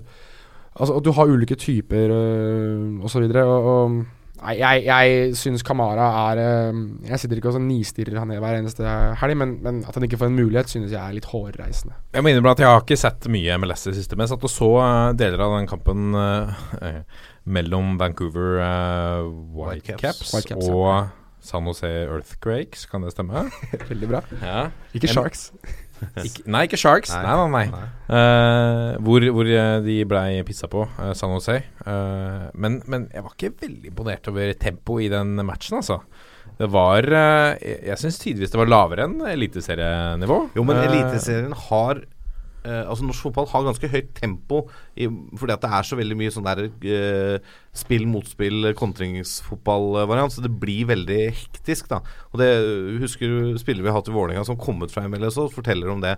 Chad Barrett blant annet, uh, han eh, DeShorn Brown, blant, uh, for å nevne et par av de, de, forteller det at det er liksom tempoet i Eliteserien er helt spesielt. Det er noe helt eget å liksom komme til norsk fotball. Men jeg tror ikke nivået er noe lavere i MLS enn Eliteserien, selv om tempo i liksom spill er kanskje virker litt treigere, da. Nei. Jeg tror ikke det. altså Jeg tror nivået der borte er et hakk, et par knepp opp fra Eliteserien. Og hvis du er god nok til å spille Eliteserien og er, være på landslaget, så bør du være god nok for landslaget hvis du bøtter i mål i MLS. Det mener jeg. Men det jeg liker med troppen, eh, for så vidt, er jo at han tar ut eh, stammen sin. Han har helt klart funnet grunnstammen av spillere han ønsker. Sander Berge er ute med skade nå. Da kommer Fredrik Midtsjø, som har gjort det greit i AC Talkmarin. Det syns jeg er en helt greit bytte, at eh, Midtsjø får nå sjansen. Han spiller på et forholdsvis høyt nivå i Nederland, han òg. Eh, bortsett fra det så er det jo ikke noe overraskelse, som vi sa. Det er liksom de samme, samme folka. Jeg skal bare, bare få skutt inn en ting angående det her. Er det at jeg, jeg, jeg, Hvis det er én ting jeg liker litt da med Lagerbäck, hvis, hvis jeg skal motsi meg selv litt, er at han velger å satse på å ha en grunnstamme i et lag. At han, det er samme spillere får mye sjansen, og kanskje på den måten så skaper du ordentlig lagkjemi. da Det var jo det som, det som gjorde vei i vellinga med Island. Så det kan jo være at det, er det, at det er hans suksessoppskrift. Og hvis det er det, så må man jo egentlig bare respektere at det er sånn Lagerbäck ønsker å ha det. Ja. Eh, så jeg, jeg Men jeg bare lurer litt på om, om det utelukker veldig, veldig mange, da. Så er det jo litt sånn, altså Vi har jo ikke så mange å ta av. Altså Bortsett fra Kamara, hvem er det vi på en måte kan si bastant at Altså Det er ingen du kan kalle skandale at ikke er med, eller si Sigurd Rostedt kunne ikke sant, vært med, Ja. med Lagerbäck. Er Har tydeligvis mer sans for Valsvik, da, på en måte har Ja. valgt å ha med han som et fjerdevalg på den plassen. Eh, det er jo en jevn duell, han har valgt sin type. Samme så regner jeg med André Hansen har jo slitt litt med lyskeproblemer. Hatt egentlig nok med å spille kamper for RBK i høst. Eh, jeg syns han er bedre enn både Nyland og Grytebuss, men det er jo ikke noe skandale å vurdere at hvis han er halvskadd, så kommer de to med isteden. Ja. Ting, så er det eh, det er liksom De andre som er aktuelle, er jo egentlig U21-spillere, det òg, på en måte. Og de er ikke helt der, de heller, at du kan si at de går foran, de gutta her. Altså, Han kunne jo kanskje prøvd Ayer, da. I den ja, Ayer kunne vært men er han nødvendigvis bedre enn Valsvik og Sigurd Rostedt er nå? Ayer, det, det er bedre at han er der han er, tenker jeg. Noen får vise seg fram nå, eh, og det høres fornuftig ut. Det blir eh, spennende å følge uansett. Vi håper å få se Jeg håper jo selvfølgelig å få se Kirkevold. Jeg har lansert han siden uh, tidenes morgen, nesten. I hvert fall i år. Du lanserte han da han var i Mjøndalen, du, gjorde ikke det? Nei, skal ikke jeg ha på meg. Men, uh, men nesten. Nei, det er kult. Jeg er veldig tidlig ute med å lansere nye folk. Jeg. Jeg Ja, du er ser, du ser talent tidlig, du. Ja, jeg, jeg gjør det. Skulle ikke jobba med alarmer, du. vi, må, vi må videre. Uh, det, er, det er veldig spennende i, i, i Obos-ligaen nå, Kjernås. Men ikke så mye i toppen, men i bunnen. Ja, nei, Jeg ser jo at du har satt opp at vi skal snakke om bunnen, og det er jo der det er spennende nå til helga. Eh, vi må jo gratulere Start først, da, som jo Ja. tross alt rykka opp nå. Det, Ja, men ny logo. ja, eh, ja, vi må innom det. logo, Men ja. det var jo kanskje den altså, minst ærefulle måten det er mulig å rykke opp på, da. Eh, Få samla litt folk, og så taper du hjemme mot Elverum. Uh, og fordi Sandnes Ulf samtidig taper mot Kongsvinger, så rykker du opp. Så det er klart at det er glemt et par timer seinere, men eh, det er litt, litt sånn småpinlig å å stå og juble Du for rygger opprykk inn i etter. opprykket, Ja, du rygger inn i Eliteserien. Ja. De har vel tatt 52 poeng nå på 29 kamper. Det er ikke noe poengsnitt som liksom eh, Folk trenger ikke å bli gærne av det snittet. Eh, nå har de driver og leter etter trener, og, men det er Ser du det laget Start har nå, så eh, skal de starte en drøm, så må de gjøre ganske radikale ting i den stallen i løpet av vinteren. Da må det skje litt. Men det som er litt Det som jeg syns Altså, bunnen er jo helt Den er jo for spennende. Jeg tror vi kan si at Arendal er nede, fordi eh, selv om Elverum skulle tape og Arendal skulle vinne, så er det ni mål i forskjell der. Så den, eh, altså Arendal rykker ned. Ja. Så det står jo mellom Fredrikstad og Elverum. Men det som gjør det litt spennende, da, det er jo at eh, alle disse tre lagene møter jo lag som kjemper om plasseringa si i, i i kvalikspillet. Altså, du vil jo komme på tredjeplass for å ha hjemmefordel i kvalikspillet. Ja. Så det er jo liksom eh, Det blir en kamp i kampen. Og det er lag som har noe å spille for, da. Som skal inn i møte disse bunnlaga. Så det blir jo dritspennende. altså den Ja. Men det, altså, det er jo Fredrikstad som sånn for de nøytrale er det interessante. Og det, jeg håper jo Fredrikstad får den kvalikplassen. Altså med all respekt for Elverum, men Elverum er en by hvor håndballen er nummer én, og fotballen er knapt nok nummer to i den byen. Det, Ja. På en vanlig dag hvor de ikke møter en glamorøs eh, motstander, så er det noen hundre som er på de kampene. Enig. Eh, da er det noe helt annet for norsk fotball eh, på et par års sikt å ha Fredrikstad, ha muligheten til å få dem tilbake i toppen. Eh, men altså, Fredrikstad nå, det er jo et kaos, da. Og kan man skylde på snø og gud, men 0-5 mot et Tromsdalen som ikke har noe å spille for, når du spiller for livet selv. Det er bare Det er bare Det er liksom statementet Her er vi, så ræva er vi i år at uh, vi drar opp til Tromsdalen og taper 0-5 når de har feira at de har berga plassen. Ja, jeg, jeg, blir litt sånn, jeg blir litt provosert på FFK-supporterne sine vegne. For her går da hele spillergruppa helt tydelig mot Loberto. Og bare nei, vi har ikke tillit til deg. Og da går han på dagen. For han har for mye stolthet til å gidde å være med på dette noe mer da. Han spør spillergruppa, og da bare går han.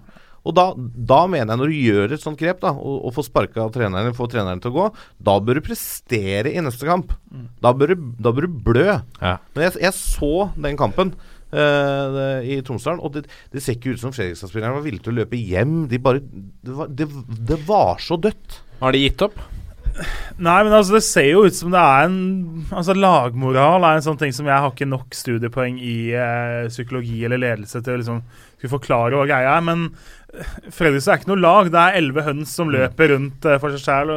De har henta 60-70 spillere de siste åra, og av de så har 95% blitt markant dårligere med en gang de har tatt på seg FFK-drakta. Så det er jo et eller annet i klubben og rundt klubben som ikke er bra for å skape en vinnermentalitet. da. Mm. og nøyaktig liksom hva eller hvem, men eh, man kan kanskje si at kanskje har de godt av å komme seg ned, og så blir det en del jævlig tøffe år. Eh, og så kommer de opp igjen om noen år. Men man håper jo ikke det. Man må jo tenke at nå handler det bare om å knuse Sandnes Ulf.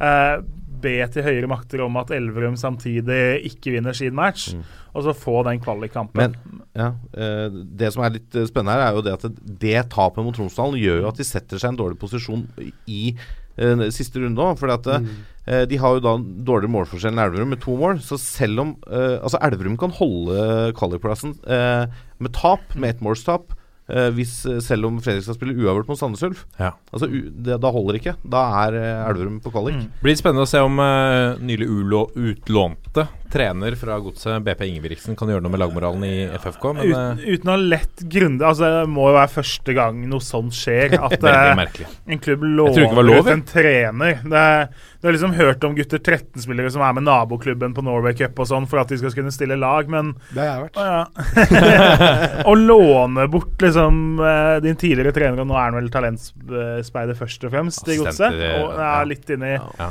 sportslig ja, Låne ut for da potensielt seks-sju dager. Det er jo snålt. Men Men han- ja. uten å kjenne BP liksom sånn annet enn fra utsida, så virker han jo som eh, og det alle som kjenner han beskriver han som, er jo en som på en måte Han kan røske opp litt der, da. Han starta mandag da han har hatt 20 minutter samtale med hver spiller. Og det er jo sikkert for å sitte og se dem inn i øya okay, og prøve å finne ut hvem er du? Er du en av de elleve jeg faktisk må satse på på søndag? For han har jo ikke uendelig med kort i den kortstokken. Han må bruke den bunken han har der, og så må han finne ut hvilke elleve som funker nå i 90 minutter, som virkelig tror på at ok, det her kan vi fortsatt greie. Enig. og holder han plassen med det laget her, så bør han bli æresborger i plankebyen der borte. Ja, helt åpenbart.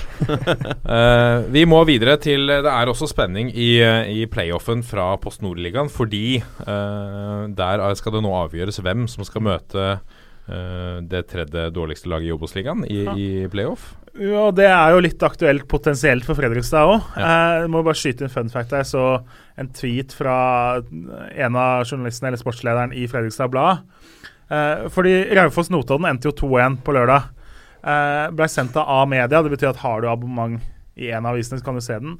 Det var flere folk fra Fredrikstad som så den matchen, enn det var fra Telemark, hvor altså Notodden holder til. Eh, så det sier jo litt om interessen i Fredrikstad òg, på en måte. Men eh, Det gjør det jo tristere også. bare skutt inn? Hvor ja, ikke sant? Tenk hvor trist du og føler deg å sitte og sett Raufoss Notodden kanskje da, i to timer fordi du skal sjekke hvem laget ditt møter, og så eh, roter du det vekk sjæl. Men eh, eh, Raufoss slapp inn eh, 2-1 rett før slutt der. Gikk jo fra et kjempeutgangspunkt. Hadde vunnet 2-0. Eh, da hadde vi begynt å snakke om 70-80 eh, sjanse for å gå videre. Nå leder vi 2-1 fra hjemmebane. Uh, og da er vi litt på der at uh, Raufoss er et sted 55-60 uh, matematiske favoritter her. Uh, Notodden kan fort vinne, men uh, så er jo dette er jo nok, på en måte, å vinne. Du må unngå de baklengsmåla. Ja, men not, not, ja. Notodden har vært sterke hjemme i år. da 11 seire og to, bare to tap, og 33-9 målforskjell. Og de, de, har tatt flere poeng i løpet av andredivisjonssesongen enn det Raufoss har gjort, så de har vært i hermetegn da, et bedre lag mm. uh, denne sesongen her. Jeg tror Notodden tar det pga. det bortemålet. Ja. Det, det, var liksom tungen på vektskåla. Spennende å se om vi får se Notodden tilbake på neste øverste nivå. Raufoss også har vært vant til å ligge ja, Raufoss var jo der senest i 2016. Ikke sant? Uh, Dette er navn vi er vant til å se på neste øverste nivå i Norge. Vi må videre. Vi må raskt innom at uh, utviklingssjef, som vi har, vår tidligere gjest her i studio, Håkon Lunov, har uh, tatt sin hatt og, og forlatt uh, Strømsgodset. og nå er mitt store spørsmål til deg, Bangstad. Ender han i Ronny Deilas crew på Valle? Nei ingen som helst uh, forutsetninger for å vite noe om. Men jeg blir ikke overraska om uh, Ronny Deila tilbudt han jobb, i hvert fall. Nei, det blir jo veldig spennende. Jeg vet jo, De har de jobba sammen i Celtic òg. De har jobba tett sammen i Godset. Det, så det, det, er vel ikke veldig mange som blir sånn kjempesjokkert om han uh, står på døra i Valle, på Valle en dag. Det er en, i så fall en sterk signering av, av Ronny Deila. Helt klart. Vi må eh, rase videre til en, en eh, feiende god eh, kronikk som jeg fant på nrk.no for å videreføre dette temaet som vi har vært innom veldig mange ganger i år. Kvinnefotballens status i Norge. Mm. Guro Pettersen, Arna Bjørnar-spilleren som som har tatt pennen fatt uh, med tittelen 'Dårlig fotball eller dårlig markedsføring'. Da setter hun fokus på uh, dette spørsmålet som, som alltid dukker opp i diskusjonen om kvinnefotball. Uh, de kan ikke få mer penger fordi at, uh, fordi at uh, publikumsinntektene, TV-inntektene osv. ikke er til stede for kvinnefotballen. Så det er et sånn høna og-lege-spørsmål. Ja. Uh, altså Vi må på en måte på et eller annet tidspunkt bryte den sirkelen. Uh, og så sier hun også at uh, de, de, sliter med det samme i Danmark. Dårlig markedsføring, lite folk på tribunen. I Portugal så har du kvinnelagene som spiller for fulle tribuner, eller oppimot 20 000 mennesker. Mm. Uh, uten at nivået nødvendigvis er noe, er noe særlig bedre. Hva, hva, tenker vi om dette? Altså, må vi tenke annerledes på det? Er vi nødt til å uh, investere litt penger her for å, for å heve statusen til uh, kvinnefotballen? Eller skal vi rett og slett forvente at, at de må opp et nivå? Vi må vente på markedet? Skal vi tenke på markedskreftene her for å få det til å funke? Hva tenker du, Jonas? Jeg synes at det her er et veldig veldig vanskelig spørsmål. Jeg synes uh, Det her er veldig godt skrevet av, Guro Pettersen. Jeg har snakket med henne et par ganger, og hun er veldig flink til å ytre meningene sine, synes jeg. Og det, det er noe som jeg synes at vi virkelig mangler litt innimellom, i hvert fall på fotballsiden. At det er folk som tar tak i dette som har blitt som blir på en måte et samfunnsproblem. Og det, og det synes jeg er interessant at hun tør å angripe såpass sterkt. Og legger jo, altså, hun legger jo til egne erfaringer om, og ting hun selv har sett, og det er jo trist å lese. Um, nå er det engang så at, at, de aller fleste betaler kun for ting de kanskje forventer å få noe igjen for. Uh, og, og investere på lang sikt i et produkt man kanskje ikke har sett noe, noe, vinning på tidligere, det er ikke noe som veldig mange ønsker å gjøre. og det det er, det er, ikke tillitsvekkende til, til norsk kvinnefotball uh, på noen som helst måte. Men det jeg, det jeg tenker først og fremst når jeg, når jeg tenker på, på dette uh, punktet her, så prøver jeg å sammenligne med hvor, hvor er det stedet vi ser kvinner kanskje er bedre enn menn, eller er på sidestilt med menn. Og Det første jeg tenker på, er kvinnehåndballen. Altså, Mange vil vel argumentere for at uh, det norske kvinnelandslaget i håndball er mer populært enn herrelandslaget. Uh, og hvorfor er det sånn? Hvorfor kan ikke vi overføre det på noen helst måte til kvinnefotballen? Og svaret, mener jeg, er nummer én er jo nummer én, er det at kvinnene er mer suksessfulle. Altså at uh, hvis du har et suksessfullt Hvis du er suksessfull på banen, så blir det et suksessfullt produkt uansett. Altså hadde de fortsatt altså på Tidlig på 2000-tallet så var jo kvinnefotballen i hvert fall mer populært, fordi man vant uh, i Sydney med det, med det gullaget der. Man hadde profiler, da. I hvert fall i større grad enn man kanskje har nå. Og, og der igjen er vi også tilbake på et annet uh, problem, et aspekt ved dette. Det er at kvinnehåndballen har profiler i alle mulige ledd. Altså Nora Mørk, Amanda Kurtovic, uh, Heidi Løke er en profil. Uansett hvor mye man liker Camilla Herrem synge og Tore Tang, så er hun en profil. altså, men, men det er det, da. Alle, alle vet at hun er en profil. Hva har vi for noe på, på kvinnefotballsiden, da? Egentlig. Altså, hvem er det som stiller- Verdens beste. Altså, det er Ja, jo Jo, men, men og, der nå har- vi jo ikke henne akkurat og da har man, og man har ikke henne lenger heller. Nei. Altså, man har ikke henne lenger heller, og jeg, og jeg synes ikke at det er, det er ikke eh, fotballspillernes feil, egentlig. Da er vi tilbake på markedsføringsaspektet. Er det noe man burde markedsført bedre? Burde man ha vist mer av disse spillerne eh, i større grad, da, eller på en større plattform? Eh, og har eh, kvinnehåndballen fått det på, på sikt? Altså, vi må jo snakke om at det, det var en gang på 80-tallet der, der, der kvinnehåndballen veldig, gjorde det veldig bra, men kanskje ikke var markedsført like godt. Og man snakker om de nå som en sånn slags banebrytere for de som er i dag. 90-tallslaget som vant eh, VM på slutten av 90-tallet også var banebrytere for de som er i dag. Har man noe sånt nå for kvinnefotballen? Det vet jeg ikke. Eh, og, de, og, og når når herrefotballen er så stor kontra kvinnefotballen, så er det utrolig vanskelig å, å prøve å sidestille det nå. For historisk så er det så mye større. Det har kanskje ikke herrehåndballen vært. da Så det, det, der, er, der er det jeg sliter med, med sammenligninga. Ja, altså, Hvis vi skal se på det med håndballen nå, så hadde jo Altså Damene våre i fotball De var jo gode og vant jo mens herrene var på topp. Mens vi hadde Ja. Drillos. Ja. Vi var i VM i 94, og så vant vi da mesterskap året etter for damene. Mm. Vi var i VM i 98, vi var i EM i 2000. Da, ikke sant? Gutta og EM, det var det det handla om i 2000. Det handla ikke om damene i Sydney. Så eh, hadde de vært bedre på en måte når A-landslaget for herrer var dårlig, da, sånn typ 2005 og fram til 2015, tror jeg de hadde hatt en helt annen status. For sånn var det jo på håndballen. Eh, damene vant jo, mens gutta kom ikke til mesterskap eller røyket i gruppespill. Eh, derfor har jo de fått litt av den posisjonen også. De var dødsgode, mens gutta var dårlige. Eh, hadde damene på en måte klart det samme og historisk, så hadde de hatt en litt annen status, tror jeg. Vakstein? Ja, jeg, jeg er enig med det med at herrefotballen er mye større. Men altså, tar du jentefotballen ut av uh, fotballforbundet, så er det Norges nest største idrett. Det er mange jenter og kvinner som spiller fotball. Det jeg vil si, som jeg syns Guro Pettersen har rett på, det er at NFF og norsk fotball burde uh, rett og slett uh, lagt mer føringer til de som kjøper rettighetene. Altså, mm. altså Discovery da, for eksempel, har masse kanaler å ta av. Sende alle kampene med én til trekameraproduksjon og én hovedkamp i, per runde Ja. på åpen kanal. Eller at, det, eller at du gir dem bort til en kanal som er villig til å ta kostnaden på å produsere noen kamper og sende litt mer kamper. Det er ikke så mye som skal til for å øke oppmerksomheten, sånn at du kanskje får da uh, regna tilbake litt av den uh, markedsføringspakka, da. Så det, det kan hende at du må ta, gjøre noen sånne grep. Du Må ikke bare skylde på markedskreftene. Du må dytte dem i riktig retning. Det er jo litt sånn, altså, Hvor mange er det som veit at Dagbladet har sendt uh, toppserien gratis på YouTube i år, f.eks.? Det tror jeg er svært få selv innafor liksom, fotballmiljøet. Ja, Det burde i hvert fall. Dagbladet fortalt meg. da. Eh, ja. Ja, der er det jo, altså, Du må nesten inn på YouTube. Du kommer deg ikke via Dagbladet.no omtrent, med mindre det er en av de mer eh, interessante kampene der. Eh, nå skal den vel til A-media, som sender andredivisjon i år, så det blir spennende å se hva de gjør ut av eh, den produksjonen og interessen når de får rettighetene, da. Jeg synes også det er eh, Bare for å skutte det inn Jeg, jeg synes også det, det er vanvittig trist lesning. Jeg skal ikke lese det som står her, men hun hun nevner jo det at hun føler at hun selv blir seksualisert også. At det er, det er da hun nevnes. Um, og det er Det er litt vanskelig å snakke om det, for jeg kan ikke snakke for alle. Men, men jeg, jeg tror hun har et veldig godt poeng akkurat der.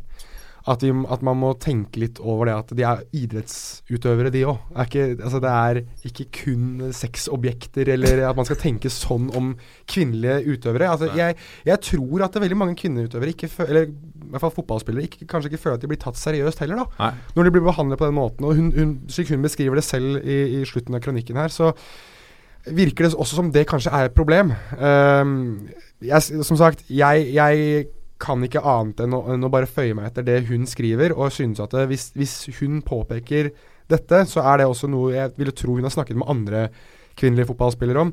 Så kanskje det også er et problem, at vi rett og slett må begynne å ta det de gjør, seriøst. Ja. At de, de er fotballspillere på lik linje. De tjener ikke like mye, men vi har, som du sier, verdens beste kvinnelige fotballspiller, i hvert fall i fjor, da, er norsk.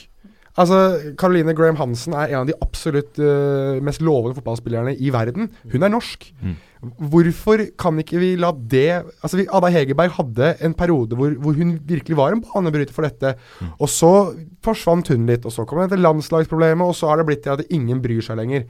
Altså Det var på vei oppover, og hun var en skikkelig banebryter for det. Og mennesker som Guro Pettersen, som tør å snakke om dette, var, er også banebrytere for det. Men det må bli mer av dette. Og så må man tørre, eh, som både Som de begge de andre her er med på, at eh, det, må, det må mer fram at de er fotballspillere. Ta produktet seriøst. Vis det. Produser det. Gjør mer med det.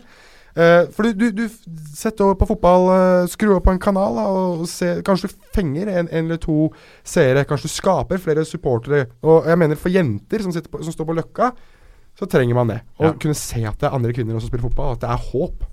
Hun nevner jo flere konkrete tiltak her. Jeg har ett konkret tiltak som NFF kan ta tak i. er uh, Dersom vi nå uh, skal avskjedige nåværende trener på et eller annet tidspunkt, få inn Tom Nordli, da. Jeg tror han er interessert i jobben. Han ville skapt entusiasme rundt dette landslaget. Han ville pressa på det landslaget og oppmerksomhet rundt det. Men blir det, blir det uh, fokus på Tom Nordli, eller blir det fokus på landslaget? Mm. Ja, men la oss, by, la oss, innrømme at vi må begynne der, da. Ja, ja. ja, det er mulig. Men vi, men vi, må begynne der. Det er mulig, men jeg synes uansett det Få inn en profil på trenersiden. Altså, ja, Tidligere landslagstrener var uh, Hans uh, altså var tidligere A-lagstrener for Alta. Det vi henter liksom på Vi må ned på tredje nivå på, i, i, på herrefotballen for å hente A-lagstrenere. Nå var det litt nødløsning og litt uh, Altså fordi han hadde rykka oppover gradene der òg. Den landslagsjobben nå, eh, da Sjøgren fikk den, var såpass attraktiv at eh, det var gode eh, herretrenernavn som var interessert i den jobben. Ja. Eh, men man valgte Sjøgren fordi at det han har vist på damesida, og det produktet han på en måte kunne tilby, da, i ja. hvert fall i samtaler og fra tidligere historikk, det var det som var mest interessant da. Så Uh, den jobben er attraktiv hvis han nå skulle få fyken, det er ikke jeg i tvil om. Men uh, om Nordli er på en måte den riktige Du må finne den som uh, Den gode landslagstreneren der òg, da. Det handler jo om det. og så ellers må jeg si det ligger jo noe latent òg, da. Altså, nå har Avaldsnes vært heldig og møtt Lyon og Barcelona i Champions League to år på rad. Ja. da har de jo nesten fylt opp Haugesund stadion. Mm. så det er så klart at de har vært heldig med motstanderen der òg, men når en damekamp kan dra 4000-5000 på Haugesund stadion, så er det jo et potensial for noe. Bare, men, men, du, du sier at det er potensial der, og jeg er veldig enig i det. Men er, og vi snakker om profiler her. Er det ikke altså, et, et, åpenbart problem når den største profilen av dem alle ikke har lyst til å spille for landslaget noe mer? Jo, absolutt. Mm. Det er det jeg synes. Mm. Det, ja. Der føler jeg at skoen mm. trykker mest. At um, det, og Da kan vi snakke om ledelsesproblemer og det som er på kvinnesiden. Det får så være én ting. Men jeg føler at skal man skape eh, en mer sidestilt eh, posisjon for kvinner og menn i, i Fotball-Norge, så må man jo promotere og, og, passe på at man dyrker de profilene man har på, på begge sider. Og det er greit når kanskje Ada Hegerberg er litt mer kravstor da. Men kanskje hun er kravstor av en grunn. Kanskje det er noe man, man burde tenke litt mer etter, istedenfor at vi, vi, på død og liv skal, skal se ned på det. Vet, jeg, altså, med, det er veldig viktig å påpeke her at jeg vet ikke hva som har vært problemet mellom Ada Hegerberg og landslagsledelsen. Jeg har ingen idé. Men, men, jeg føler uansett at det er uh, et steg i feil retning når spillere som henne og profiler som henne, som er banebrytere for nettopp dette, ikke ønsker å representere Norge lenger. Det er et problem. Dette er toppfotball. Så denne berømte hetsen som vi har fått på e-post, uh, Wangstein. Endelig skal du få bli hetset uh, litt. Ja, er, uh, altså, blir vi hetset? Nei, det blir ikke hetset. Altså, det er, det er Har du oversolgt dette? Jeg, jeg, kan ha oversolgt det. Ja, jeg leser det er, vel egentlig, må, det er vel egentlig jeg som har får snakke om litt der. Det er, ja, det er en veldig fintfølende type, så jeg tar det som grov hets. Nei da. vi tar det som folkeopplysning, gjør vi ikke det? Absolutt, for det er Mats Johnsen som vil eh, komme med en eh, påpekning. Uh, og Han ser at normalt så gidder han ikke å skrive inn til program, men, men han følte han måtte rette opp i skivebommen vi kom med i episode 65. Fordi at Tromsø har fått tilnavnet Nordens Paris. Det snakket vi om. Og Det stammer fra 1800-tallet. Og Årsaken er ikke at de bruker det som noe slagord, eller at de bare fant det på, men at mange sjøfolk tok med hjem utenlandske moteklær fra Paris til kvinnene i Tromsø. Så motebildet blant byfolket overrasket veldig mange besøkende. Uh, og det, de hadde ikke sett noe lignende, bortsett fra i Paris. Så det var, uh, Tromsø var altså et slags motemekka da, i, ja, i Norge. Norsk motemekka, ja riktig. Fantastisk. Også den, i den lokale dialekten, skriver han, adopterte man fransk. F.eks. kalles moloene i byen for cheté. I havnebassenget ligger Nord-Chetén og Sør-Chetén. Det her var uh, interessante, interessante greier. Ja. Eh, takk for eh, historietimen, eh, Mats Johnsen. Ja, så var det litt om noe uteliv og noe greier. Men altså, jeg, jeg tenker jo litt sånn Veldig fint, Mats. Takk for historieopplæring. Jeg syns det var litt ålreit, jeg. Men jeg syns likevel at eh, navnet Nordens Paris er i overkant tullete. Det var sånn det cirka si. akkurat det jeg skulle si. Jo, men det, altså, jeg er veldig spent på hvilken årstid er disse parisiske motene har blitt brukt det da i Tromsø. Ja. Det er liksom ikke Det er ikke, det er ikke byen hvor du ankler deg på en måte sånne fjonge Lette klær. Nei, fjonge kjoler og sånn. Altså, jeg har vært i Tromsø én gang, og det var jo da første serierunde. Så det, for å si det sånn, så var det jo mer av de her termodressene enn parisiske kjoler jeg så, da. Men Ja. eh, det det kunne varte opp med, var en fyr som jobba på Shell-stasjonen, som var prikk lik Ole Martin Horst. Oi! Så ja. det var jo litt uh, stilig. Det, altså, med noen eh, enheter innabords, sånn som man da da var på på supporter. Ja, det, det var Ole Martin Årstad, Altså, det, Som jobba på Chelsea. ja, jeg bare venter på at den skjult kamera-episoden kommer på noe sånn her eh, lokalt Tromsø-program. Men uh, ja, nei, det er jo et fint kallenavn, da. Jeg skjønner jo at har du på en måte fått kallenavnet Nordens Paris, så knuger du deg til det, på en måte. Det, det gjør du. Ja. Vi må ta en e-post til uh, fra Marius Haaland, som uh, takker for en eh, flott podkast. Den beste i hans øyne. Det er veldig, veldig hyggelig. Og nå må, han, kan vi skyte inn, det er jo for så vidt Nå har vi jo på en måte Vi er litt en uke i bakkant her. Yes. Vi, vi hadde så mye å prate om sist og så lite studiotid at vi måtte faktisk ta e-posten en uke etter det vi normalt sett skulle. Raske e-poster her, altså. Ja. I, eh, altså, I en tidligere episode så snakket vi om eh, hvordan eh, motivasjonen til Fagermo kanskje er at den er på hell når han har sagt at han er usikker på om han fortsetter osv. Så, videre. så lurer han på hva vår, grunnen vår er til eh, den, vår generelle eh, negative innstilling til Fagermo. Eh, og at vi tidvis harselerer litt med telemarksmodellen. Um, uh, og så påpeker han at hver serierunde er det minst fem telemarkinger på banen for Odd. Anerkjenner ikke dere modellen hvis ikke samtlige er fra Telemark? Vangstein? Jo, vi anerkjenner virkelig modellen, men det handler litt om hvordan Fagermo uh, legger det fram, og hvordan uh, Odd som klubb legger fram denne modellen. Ja. Eh, og da må de tåle at vi harselerer litt med det. Jeg er ikke noe mer kritisk eller negativ til Fagermo eller andre. Jeg hyller mannen. Ja, jeg også gjør det, for han er kul og han melder. Men når du melder og er så høy og mørk og kjekk og tidvis arrogant som Fagermo kan være, da må du også tåle at vi tar deg litt og napper litt i deg Ja. når du liksom uh, Hvis det er lov å si, ja. Ja.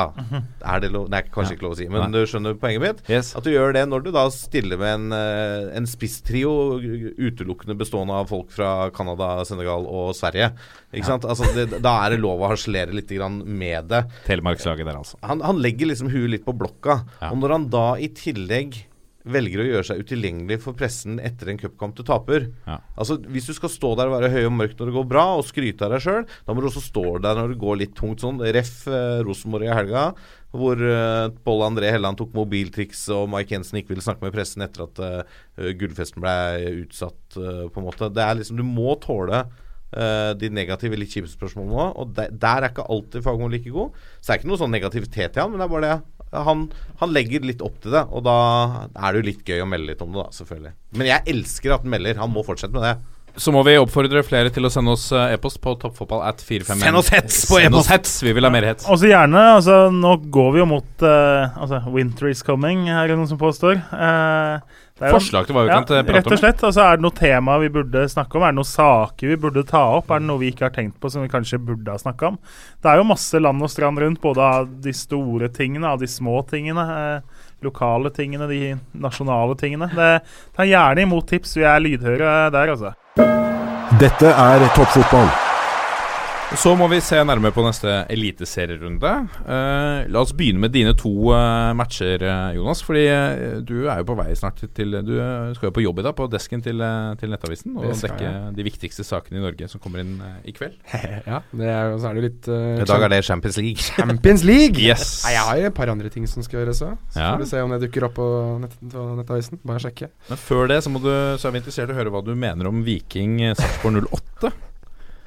Ja, er Snakker vi klar hjemmeseier? Uh, altså Det kan jo være litt befriende for Viking nå, da. Nå er det faktisk over. Nå er, nå er det ikke noe mer undring. Nå er det bestemt. Det er Obos-liga 2018. Så det er jo Kan jo være litt befriende for Ian Burchnall og hans menn, da, at de slipper å ha det um, De ha, har det jo hengende over seg uansett, men, men at det kanskje henger litt mindre. da At det, det er ikke så mye ryggen mot veggen lenger, for nå har liksom veggen forsvunnet bak dem, og de har falt pladask bakover. Ja.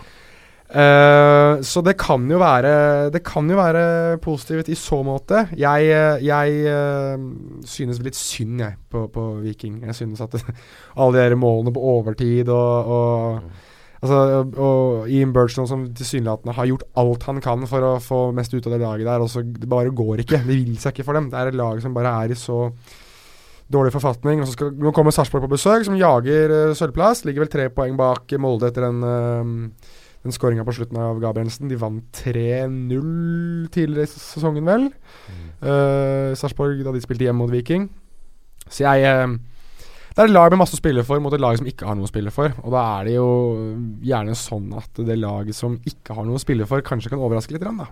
Ja. Uh, så jeg, jeg vil ikke overraske meg hvis det blir en 1-1 der, f.eks. Men all mulig logikk vil vel si at Sarpsborg eh, burde vinne den ganske så greit. Hva med, apropos eh, det poenget der, i, i motsatt eh, ende, da. For at vi snakker om Ålesund mot, mot Rosenborg. Et lag som heller ikke har noe å spille for, som jo er Rosenborg. De kan, kan jo Altså, Ja, de de, har kan- ikke sikra gullet, da. Så Nei, det er for så vidt de har de- gull å spille for. De har jo noe å spille for, egentlig. Ja. Um, og det har de jo nå litt fordi at uh, Molde vant på slutten, så kan jo være litt sånn at uh, Molde har, eh, har eh, ødelagt litt for Ålesund i, den, i den grad at de Det er de sikkert ikke lei seg for. Nei, Uh, Dobbelt seier. nei, men jeg vil jo tro at for Eliteseriens del og for Moldes del så er det alltid mer positivt å ha Ålesund Ja da, det er jeg helt enig som kom på besøk. Det kan man jo snakke om i, i Oslo, at, det Vik, nei, at Lyn og Vålerenga ikke møtes. At det har ødelagt litt for interessen til Oslo-folket i, hva angår fotball. Men, men eh, igjen, da. De, motsatt kamp så ble det jo 0-0. Altså Ålesund holdt dem jo, holdt dem jo uh, unna. Og, men jeg synes, jeg synes det er litt interessant, og nå hadde jeg en statistikk på det. Skal jeg se om jeg klarer å finne den igjen på Jeg har eh, notert meg ned. Jeg har faktisk gjort lekser før, eh, før jeg kom hit i dag. Men jeg, jeg synes at det var litt interessant, fordi i fjor så var jo Ålesund ubeseiret på de ni siste kampene. Da hadde de syv seire. Ja. Uh, og da var de også uh, sånn nedrykkskandidat. Og, og um, Trond Henriksen bare kjørte dem uh, hele veien opp igjen. Ja. Jeg, jeg husker hvor de endte, men de var i hvert fall en veldig eh, god posisjon. Ja, De bytta jo assistenten, og så snudde det. Ja. Karl Oskar Fjørtoft, var vel det. Ehm, men nå har de ikke vunnet på 14. Nei. Ikke vunnet én fotballkamp uh, siden 25. juni. Og de lå på fjerdeplass. Ja. Ja. Og de var liksom begynte å snakke om Europa og medalje og sånn. De snakket om at de har gjort det nedrykkstipset til skamme. Og Ja. at, uh, ja. Nei, og da, og da vant de 5-1. Og da er det noen som husker han skåret hat trick? Det var det han um, Han som gikk til Nederland? Ja, Eller han, han var i hvert fall fra Han er jo fra Nederland. Ja. Han gikk jo til ehm, Jeg husker ikke navnet hans. Lars Feltveik La- Lars Feldveik, helt riktig. Han Ja, skårte, han skårte hat trick. Det var hans siste skåringer for, eh, for Ålesund. Og så var han vel der i to kamper til. De, de tapte de jo. Mm. Så de har gått nå 14 kamper uten seier. Sist seier eh, 5-1 25. juni. Og, eh, mot Odd. Så, så Trond Fredriksen Han sa vel Henriksen, sa tror jeg. Men Trond Fredriksen og hans menn må vinne. Mm. Ehm, jeg tror ikke de gjør det. Jeg tror at Rosenborg er ganske snurt for at ting ikke gikk som eh, de hadde håpet på nå sist. Og at de bare skal eh, egentlig kjøre inn det seriegullet her nå og bare ende diskusjonen som er eh, Det er jo egentlig ikke det. Alle i Molde er jo sikre på det òg. At det går eh, Helt enig, for det, nå er det to uker til neste kamp igjen pga. landslagspausen. Ja. Ja. Eh, og skal de liksom gå og gnage på det. Hvis de taper noe mot Ålesund og Molde vinner, så er det to tap til og to Molde-seire til, så er Molde forbi. Det skjer jo ikke. Men da må du gå og gnage på det til neste hjemmekamp, og da kan det bli litt høye skuldre og sånn. De vil gjøre seg ferdig, og Rosenborg tar det. Samtidig morsommere å ta gullet på Lerkendal, da. Ja, men det skulle vi gjøre nå mot Stabæk. Du Ja. så jo hvor bra det gikk. Ja. Det er greit. Det er greit nok, det, altså. Husker du ja. når de skulle gå hele sesongen ubeseira, og de tapte siste kamp på hjemmebane mot uh, Start, eller hva det var? Det Ja, noe sånt. Noe av det mest Ja. interessante når Åge Aleksandersen står og synger bildet til han Ivers, og hele laget ser potte surhet ved siden av. Vi må til Komplett Arena og Sandefjord Vålerenga, Wangstein. Ja, der eh, har vi jo da et Sandefjord-lag som er litt ute av form og står med tre tap på rad. Uh, fem tap og én seier på sine seks siste. Vålerenga har jo litt annen form da, og har eh, fire seire på sine seks siste. Uh, forrige gang Sandefjord møtte Vålerenga med litt lang negativ rekke, det var jo på Ullevål i våres. Da hadde jo ikke Sandefjord vunnet en bortekamp i Eliteserien siden forrige verdenskrig omtrent, og da vant de jo selvfølgelig.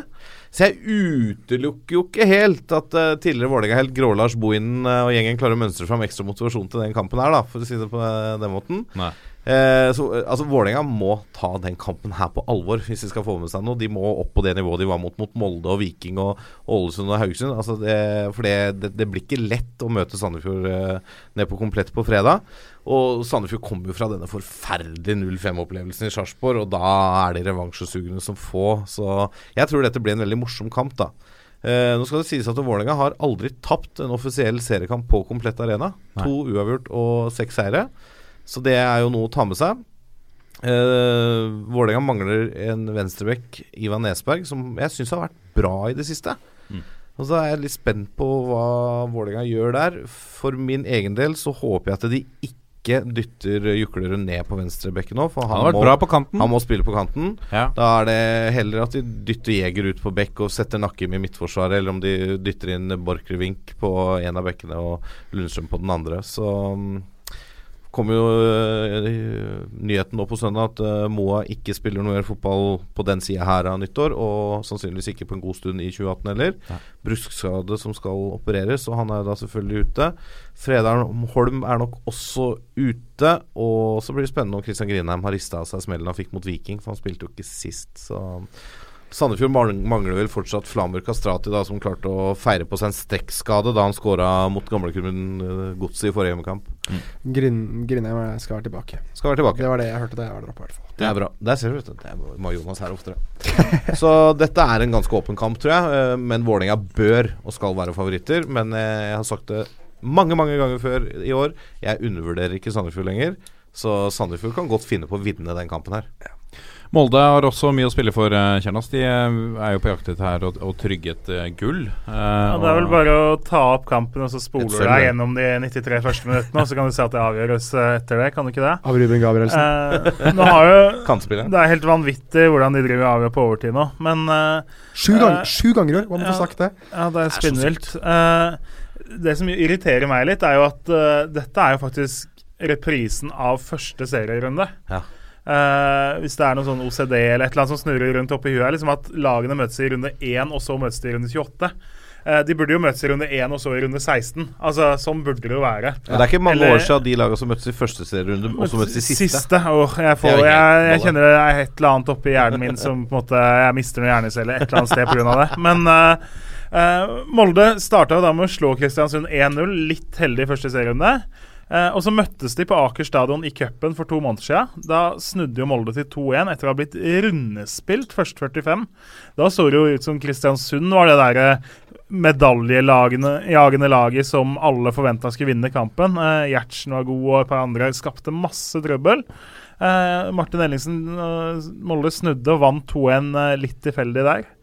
Eh, det er jo en kamp som betyr ganske mye for begge. For det, selv om Molde kun har den her teoretiske sjansen på, sølvet, nei, på gullet, eh, så har de Sarpsborg tre poeng bak når det gjelder sølvet. Eh, medaljen er ikke helt sikra. Medaljeplassen kan sikre seg eh, med riktige resultater.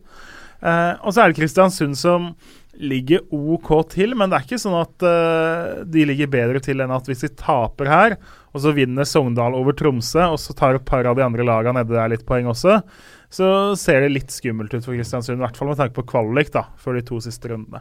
Eh, men klart at uh, det er jo en kamp altså Molde er klare favoritter. Uh, når du sier at Vålerenga er favoritter mot Sandefjord, så er jeg, ikke, jeg er ikke helt enig i den. I hvert fall ikke borte. Men Molde, der, er, eh, der har vi klare favoritter. Uh, Men Jeg sier ikke at Vålerenga er klare det, jeg sier de skal og bør være. Men Ja. ja. burde, burde ha vært i en ide, Ja, ideal ja. Vålerenga-verden, på en måte. Men Molde er altså. Du har noen klare favoritter. Vi snakker om Sarpsborg er klare favoritter. Molde er kanskje den største favoritten er i konkurranse med Rosenborg og Sarpsborg. den runden Nei, her. helt enig, helt enig. Alle de tre medaljelagene er klare favoritter. og eh, det er jo, Man må jo tro at Molde vinner men eh, Kristiansund har vært gode mot Molde før i år. Så får vi se om de får betalt nå på tredje forsøket. Mm, mm. Vi må videre til Fosshaugane campus, hvor Sogndal tar imot Tromsø i en skikkelig tre- sekspoengsmatch. Uh, fordi uh, per dags dato så ligger Sogndal uh, tre poeng bak nettopp uh, Tromsø på tabellen. Uh, målforskjellen er uh, ganske, ganske lik. De står med minus 11 begge to. Så denne kampen uh, er, er veldig viktig for begge lag. Um, med tre poeng her så passerer jo Sogndal Tromsø, og Tromsø har mulighet for å skaffe seg en luke her ned til kvalikplassen. Uh, Tromsø med Bakenga ute. Uh, Får se hvilken rolle det spiller. For de, nå har de vært litt på gang, uh, Tromsø, med to seire på rad. Riktignok 3-0 mot Viking i forrige match er ikke det som imponerer mest, men likevel, da. Det hjelper å vinne matcher. Ja, da de gjør det, og de har vært gode i en del av de kampene de har tapt også. Men da, da jeg så på terminlista for noen eh, måneder siden, og så den kampen her som en som potensiell viktig bunnkamp, så tenkte jeg den her tar Sogndal. Sogndal er så sterke hjemme. Men akkurat nå så er jeg litt mer sånn Vet du hva, Tromsø de, de har imponert meg litt i det Ja, siste. det. Eh, og jeg syns Sogndal har vakla litt. Så det her Og så kan egentlig begge to kan leve med uavgjort. Mm. Fordi sannsynligvis så taper Ålesund mot uh, Rosenborg. Eh, så du kan leve med uavgjort og, og komme litt unna Ålesund med det.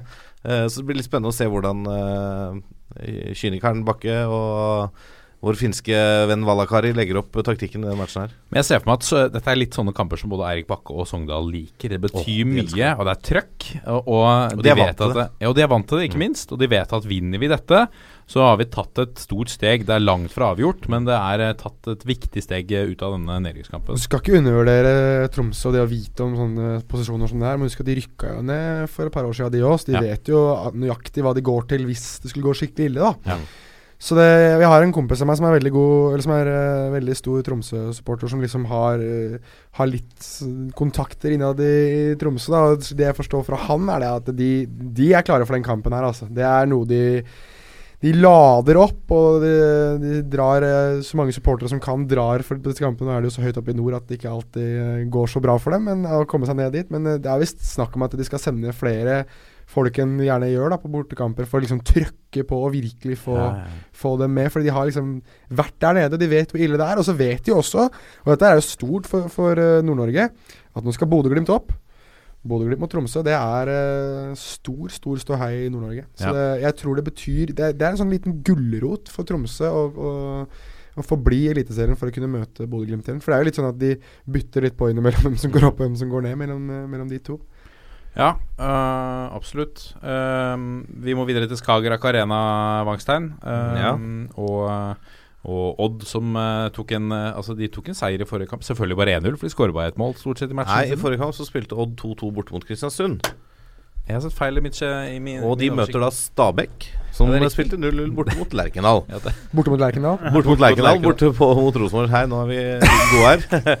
Nei, så Stabæk utsatte jo gullfesten til Rosenborg, da. Uh, og det var jo dette fantastiske frisparkmålet til Espen Ruud som sikra de et poeng i Kristiansund. Et ganske sterkt poeng, egentlig, eh, når du ligger under så seint. Uh, men Stabæk har slitt litt nå. De har bare én seier på sine syv siste. Odd har tre seire i samme periode. Eh, men det som er litt gøy, er at dette er to lag som egentlig helst trives med å møtes på bortebane i, når de møtes. Mm. Eh, statistikken på Skagerrak er 6-2-7, altså syv Stabæk-seire. Uh, mens totalt er det 15-5-12. Så det vil si at Odd vinner oftere på Nadderud enn Skagerrak. Stabæk gjør. Og Stabæk vinner oftere på Skagerrak enn det Odd gjør. Så Ja. det er litt spesielt. Stabæk vant 2-0 på Nadderud i vår, da, og 1-0 i Skien i fjor, så de har jo to seire på rad da, mot Odd. Eh, Odd er jo tredje beste i Eliteserien på hjemmebane. 9-2-2. Det er sterkt, men målforskjellen på 16-8 er ikke så imponerende, kan vi vel si. Mye 1-0. Det er mye 1-0, som du så vidt uh, var Som litt innom. Som jeg feil. på med en Mm. liten, ja. Eh, Odd mangler Joakim Våge Nilsen, og Stabæk har fått tilbake OI. Jeg, jeg tror vel ikke at jeg får veldig mye igjen hvis jeg sier at dette blir en eh, tett, jevn og målfattig kamp, som er ganske åpen. Men interessante på Odd òg er jo at uh, Rossbakk er vel fortsatt skada, han òg. Mm. Uh, Andrekeeper Myhre er skada. Ja. Juniorkeeperen er skada. Så det vil si at uh, Anders Klemetsson, som starta sesongen i Porsche og nå har blitt leid ut pga. keeperkrise. Han var jo eneste keeper de hadde med seg til Kristiansund. Eh, stopper eh, Vegard Bergan var eneste, Han var keeperalternativet på benken. Ja. Kan fort bli det igjen, altså. Men har de ikke da Eh, muligheten til å gå ut og hente seg en Ja, nå har du jo henta én, da, på en måte, så jeg Ja. vet ikke om du får dispensasjon igjen. Ja, du bare- Det-. Nei. eh, de, Nei, jeg vet ikke. De valgte jo å ha Bergan på, som reservekeeper her tidligere også, da juniorkeeperen var frisk. Så de har jo tydeligvis troa på at stopperen kan gjøre en habil jobb, da. Men det, eh, Og vanligvis når du setter en keeper Eller en stopper eller en utspiller i mål, så er det jo siste løsning. Du har ikke noe annet valg. Eh, mens her så Ja, her må du faktisk tenke på det. det. er slag i trynet som juniorkeeper. Ja. en ja, Nå er det alle keeperne skada. Jeg får sitte på benken i Eliteserien. Nei da, vi tar han stopperen ved å ta han som reservekeeper. Da, det er det. Da har du ikke Ja, trua nei, på den er blytung. Så det Vi må videre vi til eh, Haugesund eh, Strømsgodset. Godset som herja med Sogndal eh, i forrige match. Hvordan ser det ut nå, Kjernås? Ja, nei, altså Det er jo to lag som er litt på De ligger jo ved siden av hverandre på tabellen. Altså Begge har jo fortsatt håp om hvert fall denne fjerdeplassen som kan gi Europa, men det er jo total motsatt formkurve på dem. Uh, Haugesund har jo tapt nå både mot Molde og mot Brann i to sesongavgjørende kamp for dem. Hadde de vunnet de to, så hadde de jo faktisk vært oppe på medaljeplass og ligget godt an. Men så snakka vi om det for et par måneder siden her, at uh, de er, det er et bra lag, men de mangler det der siste lille på topp. Uh, det syns jeg de har vist nå. Uh, Ibrahim ser litt ferdig ut. Liban Abdi har ikke vært i nærheten av det samme. Gytkjær har ikke Uh, egentlig ikke vært noe suksess i år. Uh, de har prøvd han unge Velde, som falt helt gjennom mot Molde. Eh, Haugesund mangler noe trøkk på topp som gjør at de er en ordentlig medaljekandidat. Det har godset nå. Altså Når du ser på hva de har framover i banen. da Du har Ulland Andersen sin fot, du har Gerradi som kan trylle. Markus Pedersen er ikke briljant i år, men en godkjent pluss høst, i hvert fall. da eh, Og så tillegg da Tokmak. Så den offensive kvartetten der, den gnistrer li det litt av. Så har de funnet balansen i laget nå. Den lette skulle du lenge etter. Vi kan ikke gå så langt som å si at Godset er favoritter borte mot Haugesund. Det går ikke. Men uh, de er det laget som er i best form, og de har mest X-faktor. Så uh, magefølelsen og formkurven tilsier at Godset poeng der. Og de er også såpass nære. Skal de ta medalje, så må de nesten ha tre poeng her. Fordi vi må, vi må på en måte regne med at Sarpsborg vinner sin kamp mot Viking. Og da må Godset vinne for å fortsatt være tre poeng bak. Eh, Apropos eh, altså en, eh, et lag som eh, klarte å, oppgaven å slå Haugesund borte, var Brann. I forrige match så, så tok de en sterk bortseier 3-2. Uh, etter, etter å ha gått på fire tap på rad, så var det i akkurat den matchen de klarte å snu det. Ganske overraskende for mange mot et Haugesund som har vært, som har vært gode. Uh, men nå står også Haugesund med to tap på rad. Men nå møter Brann Lillestrøm på Brann stadion. Uh, Lillestrøm som er, hva, hva skal vi si, i mildt sagt varierende form. Eh, to seire, eh, tre tap, én uavgjort på de, på de seks siste. Det går mye opp og ned for Arne Erlandsen. Men jeg tror han er fornøyd der med en, med en eh, tiendeplass. Eh, kanskje. I hvert Altså På eh, Åråsen er de fornøyde så lenge de holder plassen. ja. Ja, Så lenge de er der, og så lenge den der cupfinalen er vel sikkert der de tenker mest nå. da Nå Ja, er de. På mange måter så har de jo sikra plassen sin nå, så Altså, de trenger Det er tre, tre kamper igjen, vel, men det, det burde ikke jeg, jeg kan ikke se for meg et scenario der plutselig Lillestrøm ligger helt der nede. Så jeg Nei. tror eh, den seieren nå sist, den, eh, den roa de nok litt grann ned. Og, og det at Brann kommer Eller at de skal på besøk til Brann, gir dem sikkert muligheten til å kanskje jeg vet ikke om de skal spare noen spillere, eller kanskje prøve noe, prøve noe nytt. Det kan jo godt være det. Altså, jeg, jeg kan liksom ikke se for meg at Lillestrøm skal gjøre så vanvittig mye mer enn nå, inn eh, det at jeg mest sannsynlig har sikra plassen, enn å fokusere på at de skal møte uh, Sarpsborg i cupfinalen. Spennende å se. Uh, vi nærmer oss avslutningen av Eliteserien. Uh, nå er det tre runder igjen, og det spisser seg til. Eh, vi må runde av der, for Jonas Giæver eh, skal på arbeid. Det må vi respektere. På betalt arbeid. På betalt arbeid, eh, ikke minst. Jonas, eh, det har vært en ære. Tusen hjertelig takk for at du kom, og du er hjertelig velkommen tilbake, selvfølgelig. Alltid velkommen med en fotballekspert inn i studio.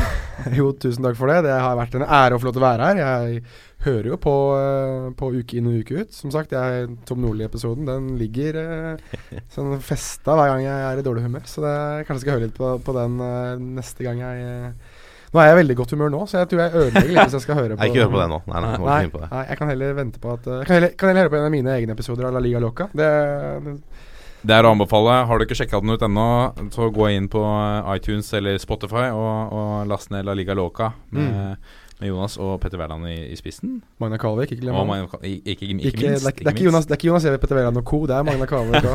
det er et veldig viktig poeng. Det er sterkt veldig dag, altså. Ja, det er absolutt. Kruttsterkt. Men jeg må bare få lov å si en kjapp ting. eh, Ja. Når vi sitter og, eh, og selger inn andre podder her. Ja. Eh, hør på de siste episodene til, til fotballklubben med Ja. Alexander Schou og Thomas Aune. De har et, med et liveintervju med Ian Birchnell før Tromsø-kampen.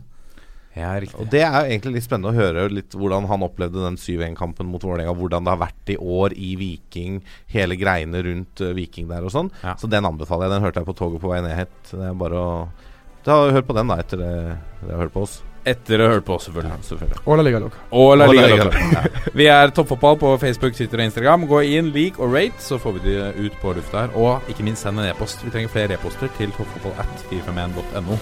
Så må vi avslutte som vi pleier å gjøre. 1, 2, 3. Vi er en gjeng. Ha det!